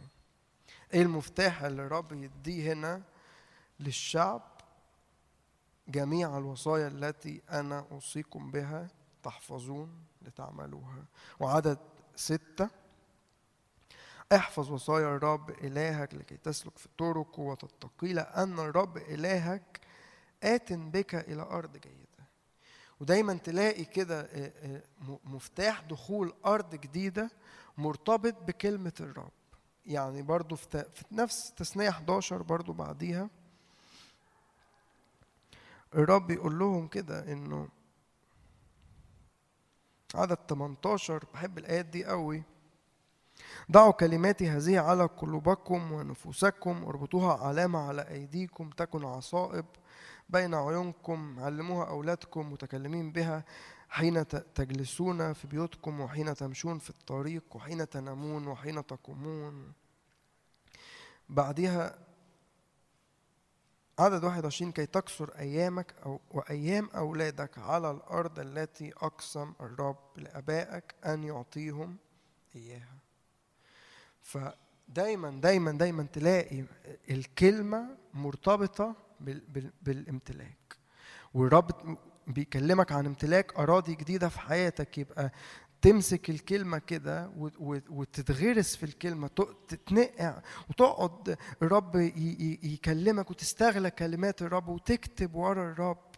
وتعلم على آيات وتلون آيات وحاجات الرب يفهمها لك وتجيب كده ورقة وقلم جنبك تفضل تكتب كلمات الرب وتستغلى كلمة الرب. أول ما ده يحصل في حياتك اعرف إنه في امتلاك جديد الرب عايزك أراضي جديدة الرب عايزك تمتلكها. يعني ده حصل برضو مع يشوع إنه في- يشوع واحد الر- الرب إداله المفتاح دوت قال له آه، بص الكلمة هي تلهك فيها نهارا وليلا لكي تفلح لكي حينئذ تفلح وتنجح مفتاح النجاح ومفتاح إنه كان داخل على مرحلة جديدة وامتلاك جديد راح الرب إداله المفتاح. هو إيه؟ كلمة الرب. ومن غير من غير الكلمة أنا مش هعرف أدخل مش هعرف أمشي مش هعرف أمتلك الأراضي اللي الرب عايزني أمتلكها لكن ده ده ده مفتاح مهم قوي وأنا بستغلاه جدا. وتروح كده يعني عشان عشان كده كنت بقول لك من من الحاجات ان انت تستغل كده إنه تقوم كاتب كل الحاجات اللي الرب كلمك فيها وتروح تاني تفتح الآيات و و وتشوف كده كل كل آيات الرب قالها لك وت- وتفتحها وتقف بيها قدام الرب. يعني مثلا انت حضرت اجتماع زي كده أو حضرت مثلا آه، يعني الأسبوع اللي فات كان كان القسيس ميمي بيحكي عن دوت وخروج 33 انت انت سمعت دوت تعمل إيه؟ أنا أنا بعد الوعظة لما روحت البيت رحت روحت فاتح الكتاب بتاعي خروج 33 وقعدت أقرأ الآيات وقعدت أصلي بال باللي كان ليه؟ لأنه في في حاجة بتحصل أول ما بنستغل الكلمة للدرجة ديت. أمين؟ لو لو أنا عايز حياتي ما تكملش عادي لو وعايز بقى أدخل ويعني عارفين اللي هو أقصر زمن اللف ويعني أ- أقصر زمن اللف وأدخل أمتلك أطول زمن الامتلاك. الكلمة هي مفتاح مهم قوي عشان ده يحصل في حياتي. أمين آخر مفتاح وهختم عشان طولت. يشوع خمسة.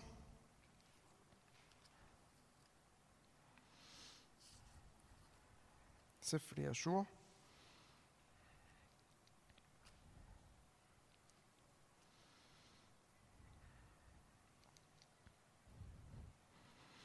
إصحاح خمسة. في ذلك الوقت عدد اثنين قال الرب ليشوع اصنع لنفسك سكاكين من صوان وعد فاختن بني إسرائيل ثانية. فصنع يشوع سكاكين من صوان وختن بني إسرائيل في تل القلف. وهذا هو سبب ختن يشوع إياهم أن جميع الشعب الخارجين من مصر الذكور جميع رجال الحرب ماتوا في البرية. زي ما كنت بقول لك إن كل الناس اللي خرجوا ماتوا ما عدا يشوع وكالب.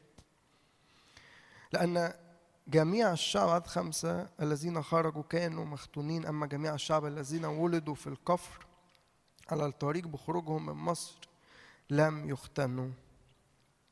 لأن بني إسرائيل صاروا أربعين سنة في الكفر حتى فني جميع الشعب جميع رجال الحرب الخارجين من مصر الذين لم يسمعوا لقول الرب.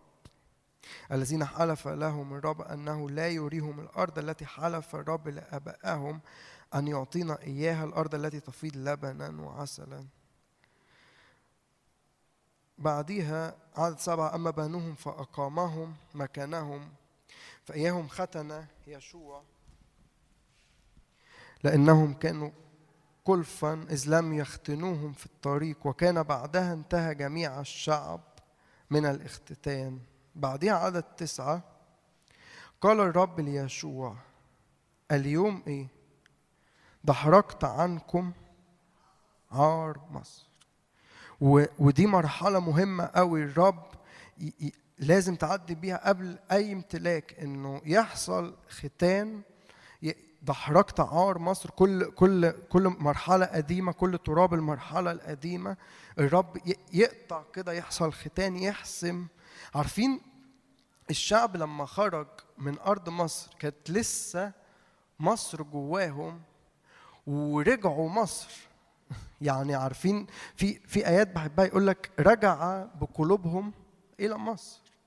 ف فهو الشعب ما رجعش حرفيا لمصر بس لأنه الشعب كان قلبه في مصر. فالشعب رجع لمصر. ف الرب يكلمك النهارده بقى ختان ولما الرب يكلمك عن ده تقف قدام الرب قول له تعالى يا رب نقي كل حاجة فيا متعلقة بمصر كل حاجة فيا آه، روح مصر لسه آه، آه، في حاجات من مصر في حاجات محتاجة كده إن الرب ينقيها. فأقف قدام الرب الرب ينقيني يفصل خالص المرحلة اللي فاتت عشان أدخل مرحلة جديدة. آمين؟ تعالوا نقف نصلي.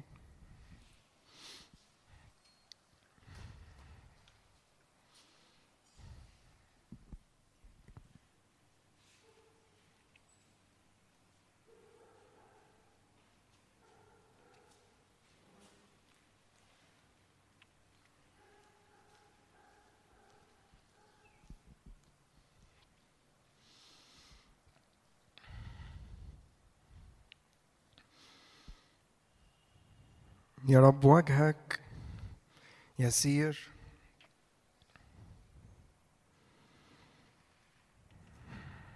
بنستغلى وجهك بنستغلى حضورك. يهوى يستعلن لينا. الكائن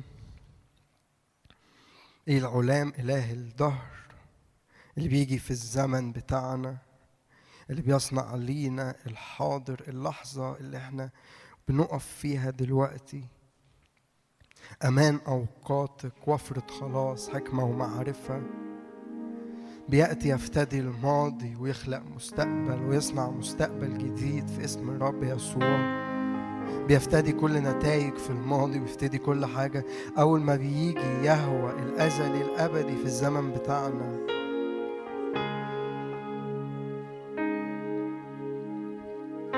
والزمن بتاعنا يتشكل بال- بال- باللي بحسب قلب الرب بالصورة اللي في قلب الرب.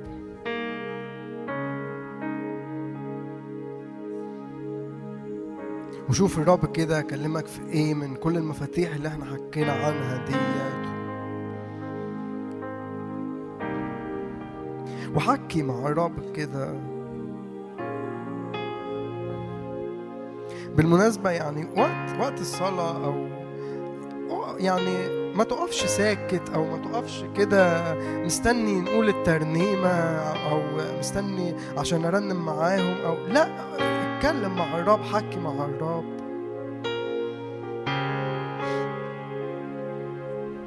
قول يا رب أنا عايزك تأتي في الزمن بتاعي يهوى يستعلن. زي المفتاح الأول اللي كنا بنسمع عنه موسى كده قال له لو أنت ما خرجتش أنا مش متحرك بمسيرك معنا نمتاز في اسم الرب يسوع. بمسيرك معنا فنمتاز بمسيرك معنا نمتاز. تعلقت نفسي بحضورك.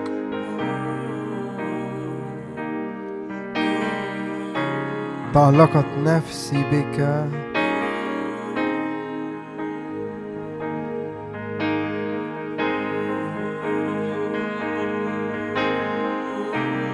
وكل مرة تقف تقول للرب تعلقت نفسي بك. الرب يقول لك وأنا كمان تعلقت بك. حزقية وقف قدام الرب قال له أنت تعلقت بنفسي.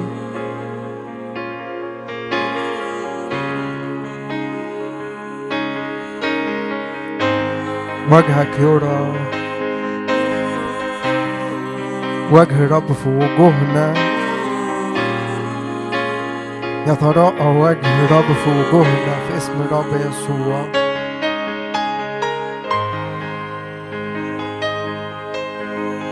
في نور وجه الملك حياة. في نور وجه الملك حياة.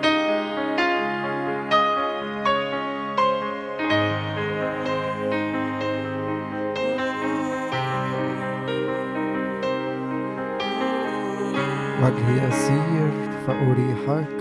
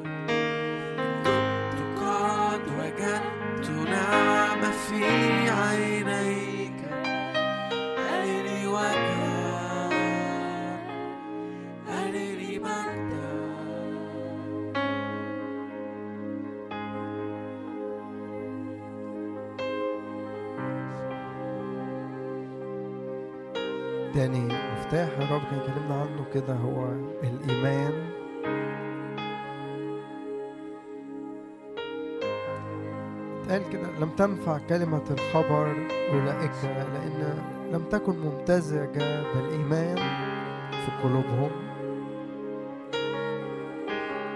الإيمان يخليك ممكن أنت تسمع كلام واللي جنبك يسمع نفس الكلام أو يقرأ نفس الآيات. بس الإيمان إنك مصدق في الكلمة في كلمة الرب يخلي الكلمة تحصل وينقلك نقلات مع الرب. بس اللي جنبك يبقى عادي مفيش أي حاجة حاصلة. الإيمان بيعمل فاصل كده. عشان كده قال لهم كلمة دول سمعوا كلمة الخبر بس ما ما. ما يعني ما ما استفادوش منها بحاجة لأن ما كانتش ممتزجة بالإيمان بالإيمان نسلك لا بالعيان في اسم الرب يسوع. وارفع إيدك كده وقول أنا بالإيمان أسلك الرب قال لهم يسوع كده قال لهم يكن لكم إيمان الله. يكن لكم إيمان بالله. أصل يكن لكم إيمان الله. روح الإيمان عينه في اسم الرب يسوع. مكتوب آمنت لذلك تكلمت. نؤمن في الرب.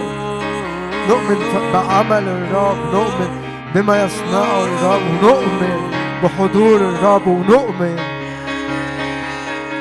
نؤمن إنه مجد الرب يزداد علينا يوم بعد يوم بعد يوم بعد يوم. الإيمان هو اللي يشكل أيامنا. بحسب إيماننا بحسب اختبارنا في اسم الرب يسوع. نمتلئ إيمان في اسم الرب يسوع. نمتلئ إيمان في اسم الرب يسوع. زي بولس كده لما لما بص كده لقى رأى أن له إيمان ليشفى في اسم الرب يسوع. الإيمان بيبان على وجوهنا في اسم الرب يسوع. عشان كده يسوع قال لهم ابن الإنسان كده لما يأتي لعله يجد الإيمان على الأرض. الإيمان بيتشاف الإيمان بيبقى طالع من وجوهنا كده في اسم الرب يسوع. إيمان مختلف في اسم الرب يسوع. إيمان مختلف إيمان في في الرب إيمان في كلمة الرب إيمان في وعود الرب. إيمان إنه الرب هيسدد احتياجاتي إيمان إنه الرب يحميني إيمان إنه الرب يشفيني إيمان إنه الرب يقويني إيمان إنه الرب يكمل عدد أيامي في اسم الرب يسوع. وما اكونش أكون بتمم دعوتي وما وأيامي ما تكونش بتفقد وتضيع لكن إيمان في الرب الرب يكمل عدد أيامي في اسم الرب يسوع. من طول الأيام يشبعني في اسم الرب يسوع. مات إبراهيم شيخا شبعان. الأيام. ده إيمان في كلمة الرب انه الرب يشبعني ويكمل عدد أيامي في اسم الرب يسوع. أيام كثيرة في اسم الرب يسوع. إيمان في كلمة الرب. إيمان انه الرب يحفظ روحي ونفسي وجسدي. كامله بلا لوم في اسم الرب يسوع. ليكن لكم إيمان بالله. ليكن لكم إيمان الله.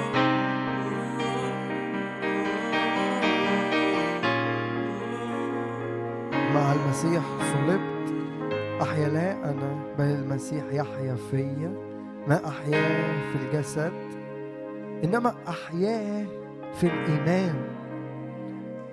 إيمان ابن الله الذي أحبني وأسلم نفسه لأجلي.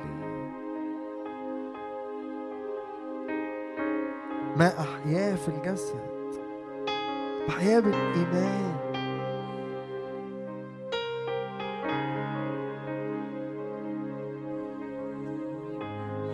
الإيمان يخليني كل كلمة موجودة في الكتاب المقدس أستقبلها أستلمها من الرب بإيمان لحد ما تبقى حاصلة في حياتي.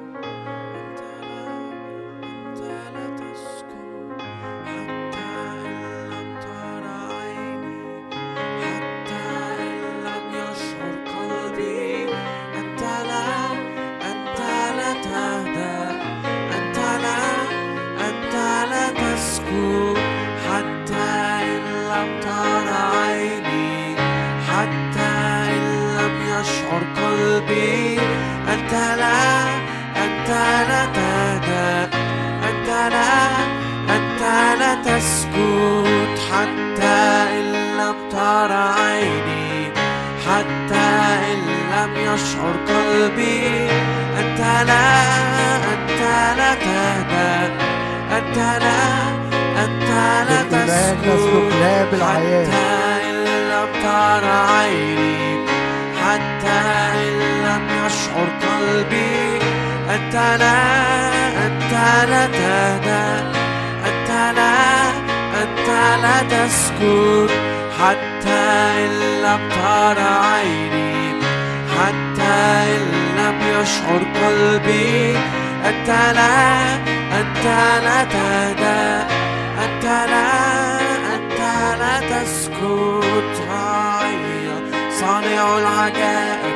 حافظ العهد نور في الظلمة ربي أنت هذا الإله.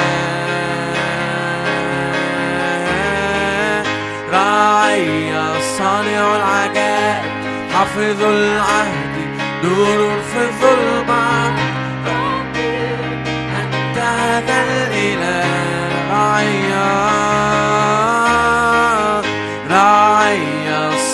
العجائب حافظ العهد نور في الظلمة.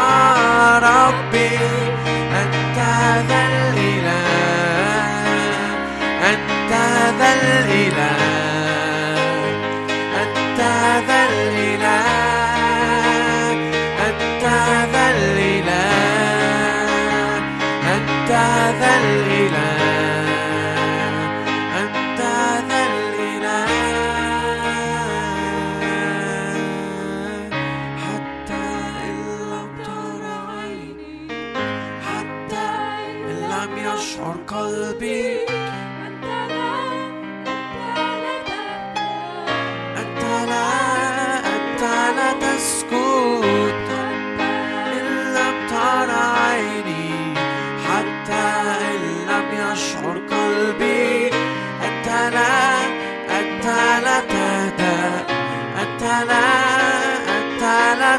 تسكت حتى إن لم ترى عيني حتى إن لم يشعر قلبي.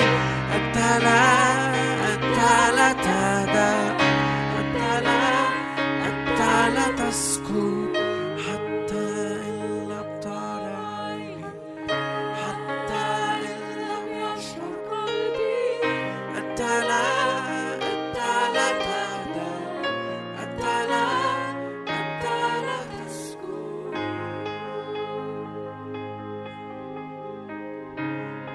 قال لهم لو كان ليكم إيمان.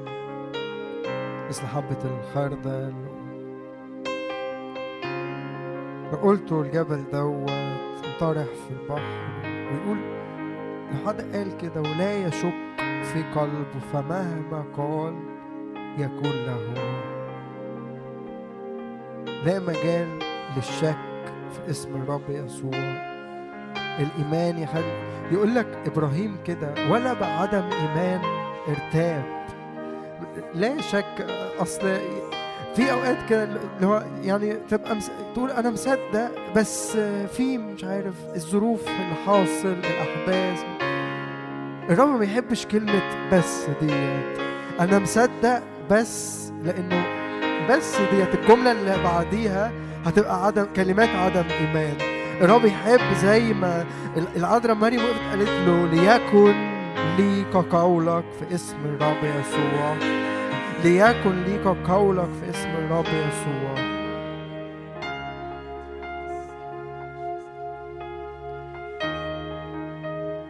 نؤمن بكل ما يقوله الرب ونؤمن بكل بكل حاجة في الكلمة بكل بكل كلمة موجودة في الكتاب المقدس. نؤمن بكلمات الرب نؤمن بوعود الرب نؤمن بعهد الرب نؤمن بما يصنعه الرب في حياتنا ونؤمن إنه يسير معنا في اسم الرب يسوع. تالت حاجة كان الرب يكلمنا فيها هي الطاعة. ارفع إيدك صلي كده الكلمات دي يا رب عايز النتيجة الطبيعية جوايا لأي حاجة أنت بتقولها النتيجة الطبيعية أكون بطيع. خرج إبراهيم وهو لا يعلم إلى أين يذهب إلى أين يأتي. ما كانش عارف بس يسوع نفسه يقول لك وضع نفسه أطاع حتى الموت. يقول لك برضه عن يسوع كابن. تعلم الطاعة. الطاعة دي أنا حاجة بتعلمها يوم بعد يوم بعد يوم مع الرب من الحاجات البسيطة بتبدأ بال- بالأمور البسيطة. بتبدأ كده إنه أول ما تصحى كده الرب يقوم قايل لك إيه رأيك كده تقوم فاتح الكلمة وتقعد. إيه رأيك ترفع إيدك كده. أو أو أو تبقى مثلا صاحي هتعمل حاجة أو هتاكل أو ه... بس حاجات الطبيعية بس الرب يقوم قايل لك لا تعالى كده خد وقت السجود. الطاعة بتبدأ بالحاجات البسيطة. إنه يقول لك ما تعملش دوت دلوقتي ما تبقى هتتصل بحد يقول لك ما تكلمش فلان دلوقتي ما تبقى هتقول كلمات أو هتعمل حاجة أو بس بس الرب يقول لك لا ف أطيع الرب. زي يسوع أتعلم الطاعة يوم بعد يوم بعد يوم. أتعلم أتعلم إن أنا أطيع الرب في الحاجات البسيطة. لأنه عدم الطاعة بيخليني ما أدخلش. الطاعة بتخليني أمتلك أدخل. بسبب عدم الطاعة شاول اترفض. من الملك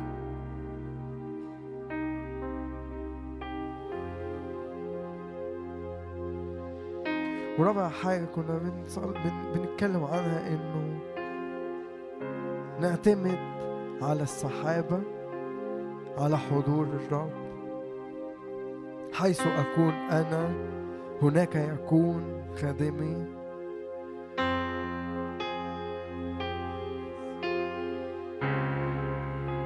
زي البقرات في سفر حسقيال يقول لك حيثما كان الروح بيسير كانت بتسير. يا رب نتحرك بقيادة الروح. مصدقين إنه أنت تقودنا أنت تحركنا إحنا ماشيين وراك إحنا نمشي وراك نتحرك وراءك نتحرك وراءك يا رب نتحرك وراءك يا رب. لو السحابة وقفت نقف. لو السحابة اتحركت نتحرك. لو السحابة فضلت يوم أو سنة أو شهر أو نقف. لو السحابة اتحركت نتحرك. إحنا ماشيين يا رب وراك. على فهمك لا لا تعتمد مش بنعتمد على على خبرتنا مش بنعتمد على اللي إحنا عارفينه بنعتمد انه ماشيين وراك يوم بعد يوم بعد يوم في اسم الرب يسوع. نتكل عليك بكل قلوبنا. لا, لا نعتمد على أي أي خبرة أو أي ذكاء فينا أو لكن بنعتمد على حضورك. صلي كده يا رب أنا بعد أنا ماشي ورا السحاب أنا ماشي ورا حضورك. الحتة اللي انت عايزني أكون موجود فيها حركني فيه أنا ماشي وراك. في تثنية كده يقولون الرب وحده اقتاده ليس معه إله أجنبي. حد يصدق كده؟ الرب وحده يقتا- يقتدني ليس معه إله أجنبي. الرب يقتدني يقودني يقود خطواتي. ولو في طرق في حياتي أنا مش عارف أتحرك إزاي وقرارات أنا مش عارف أخدها وأمشي يمين ولا أمشي شمال. صدق إنه أنا ماشي ورا السحابة لو السحابة وقفت أنا واقف.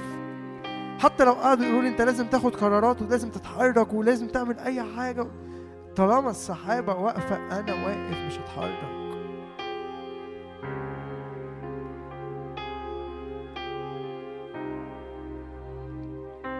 ويعني إنجاز التعبير كده يحصل اللي يحصل. بس أنا ماشي وراء السحابة. حتى لو بالطبيعي في لازم آخد قرارات دلوقتي ولازم أتحرك وآخد خطوات و...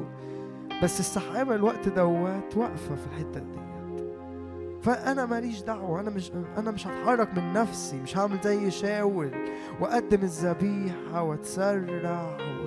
لا أنا هستنى الرب أنا هستنى الرب أنا ماشي ورا الرب ومصدق إنه الرب هيقودني. وارفع إيدك كده صدق إنه الرب هيقودك في اسم الرب يسوع. مفيش وقت هتبقى محتاج فيه قيادة من الرب والرب مش هيقودك أو الرب هيسيبك في نص السكة لا. الرب عابر أمامك هو الذي يسير بوجهه أمامك في اسم الرب يسوع. الرب العابر أمامك نار أكلة. الرب العابر أمامك نار أكلة. عمود النار السحاب أنا ماشي وراء الرب.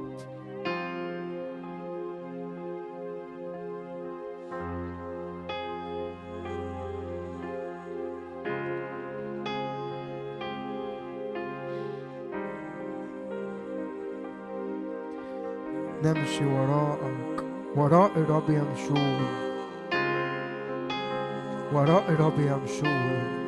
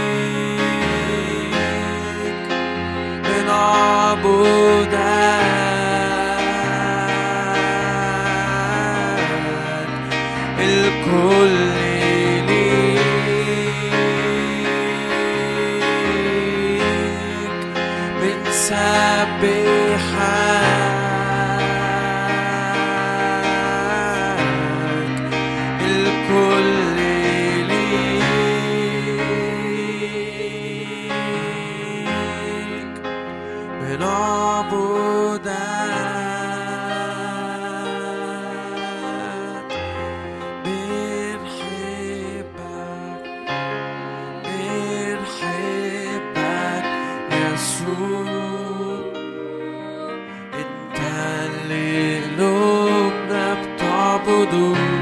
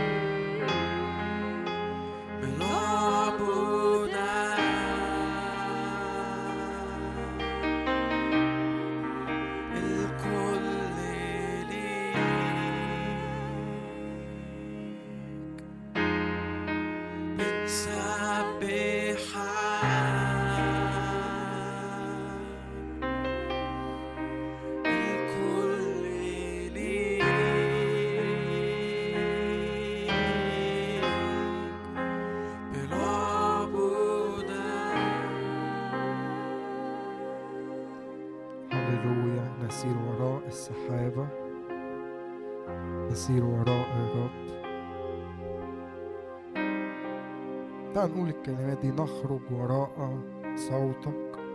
وإحنا بنعلن كده ننقاد بالروح نسير وراء الرب. الذين ينقضون بروح الله أولئك هم أبناء الله. نخرج وراء الرب نسير وراء الرب.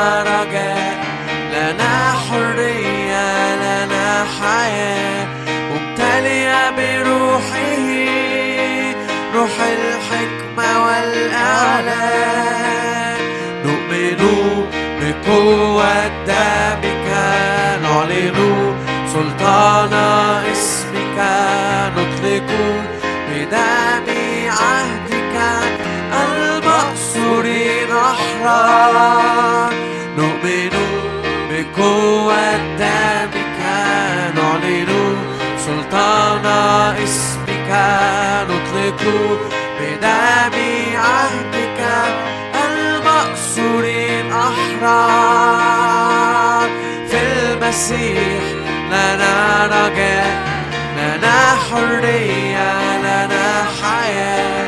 ممتلئة بروحه روح الحكمة والإعلان في المسيح لنا رجاء حرية لنا حياة مبتلية بروحه روح الحكمة والإعلان نخرج وراء صوتك لامتداد ملكوتك. فنرى أعداؤك يهربون.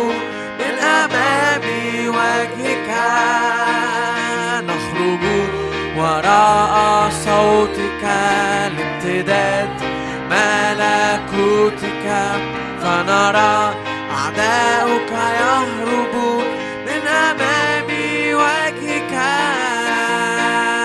في المسير لنا رجاء لنا حرية لنا حياة ممتلئة بروحه. روح الحكمة والإعلان في المسيح. لنا رجاء لنا حرية لنا حياة ممتلئة بروحه روح الحكمة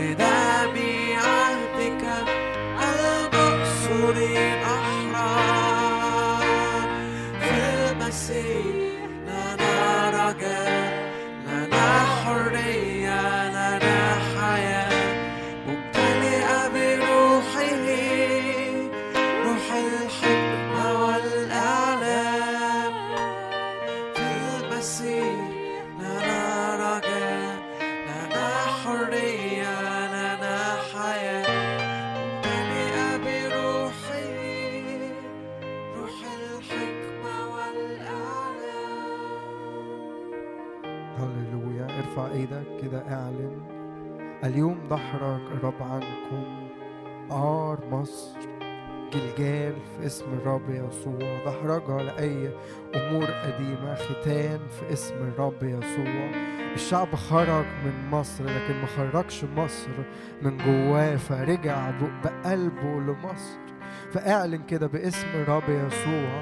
أنا خرجت بس أخرج كل حاجة قديمة كل حاجة ما, ما لا يبقى زلف في اسم الرب يسوع لا يبقى زلف في اسم الرب يسوع. لا أمور قديمة.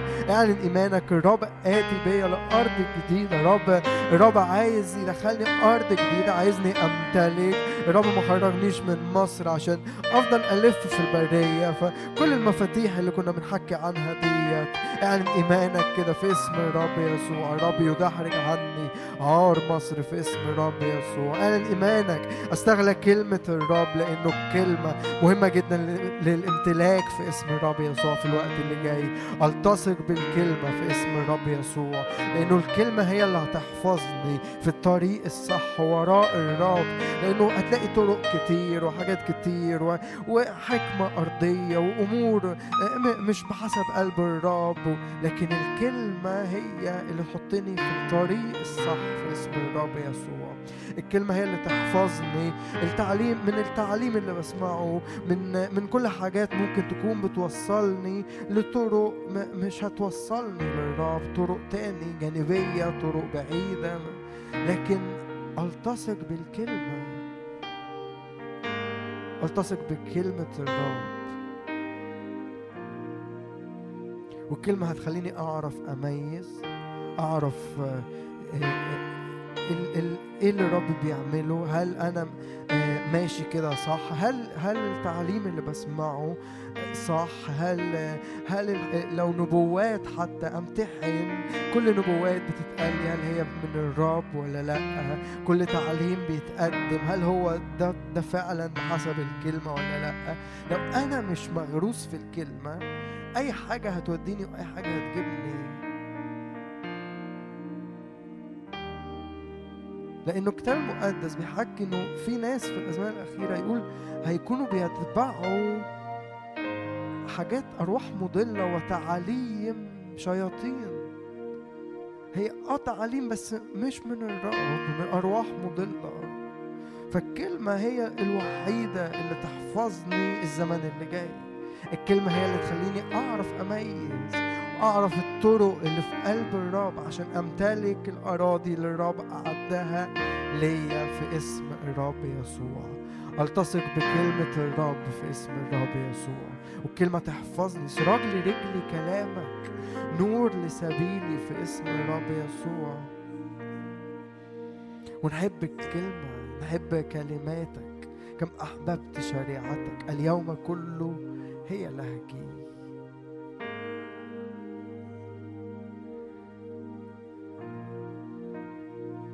رب يدخلنا أراضي جديدة في اسم الرب يسوع. تعال نقول عبرت بنا رحلة مجد مليانة امتلاك مليانة تحقيق لكل وعود في قلب الرب امتلاك كل أراضي في قلب الرب في اسم الرب يسوع.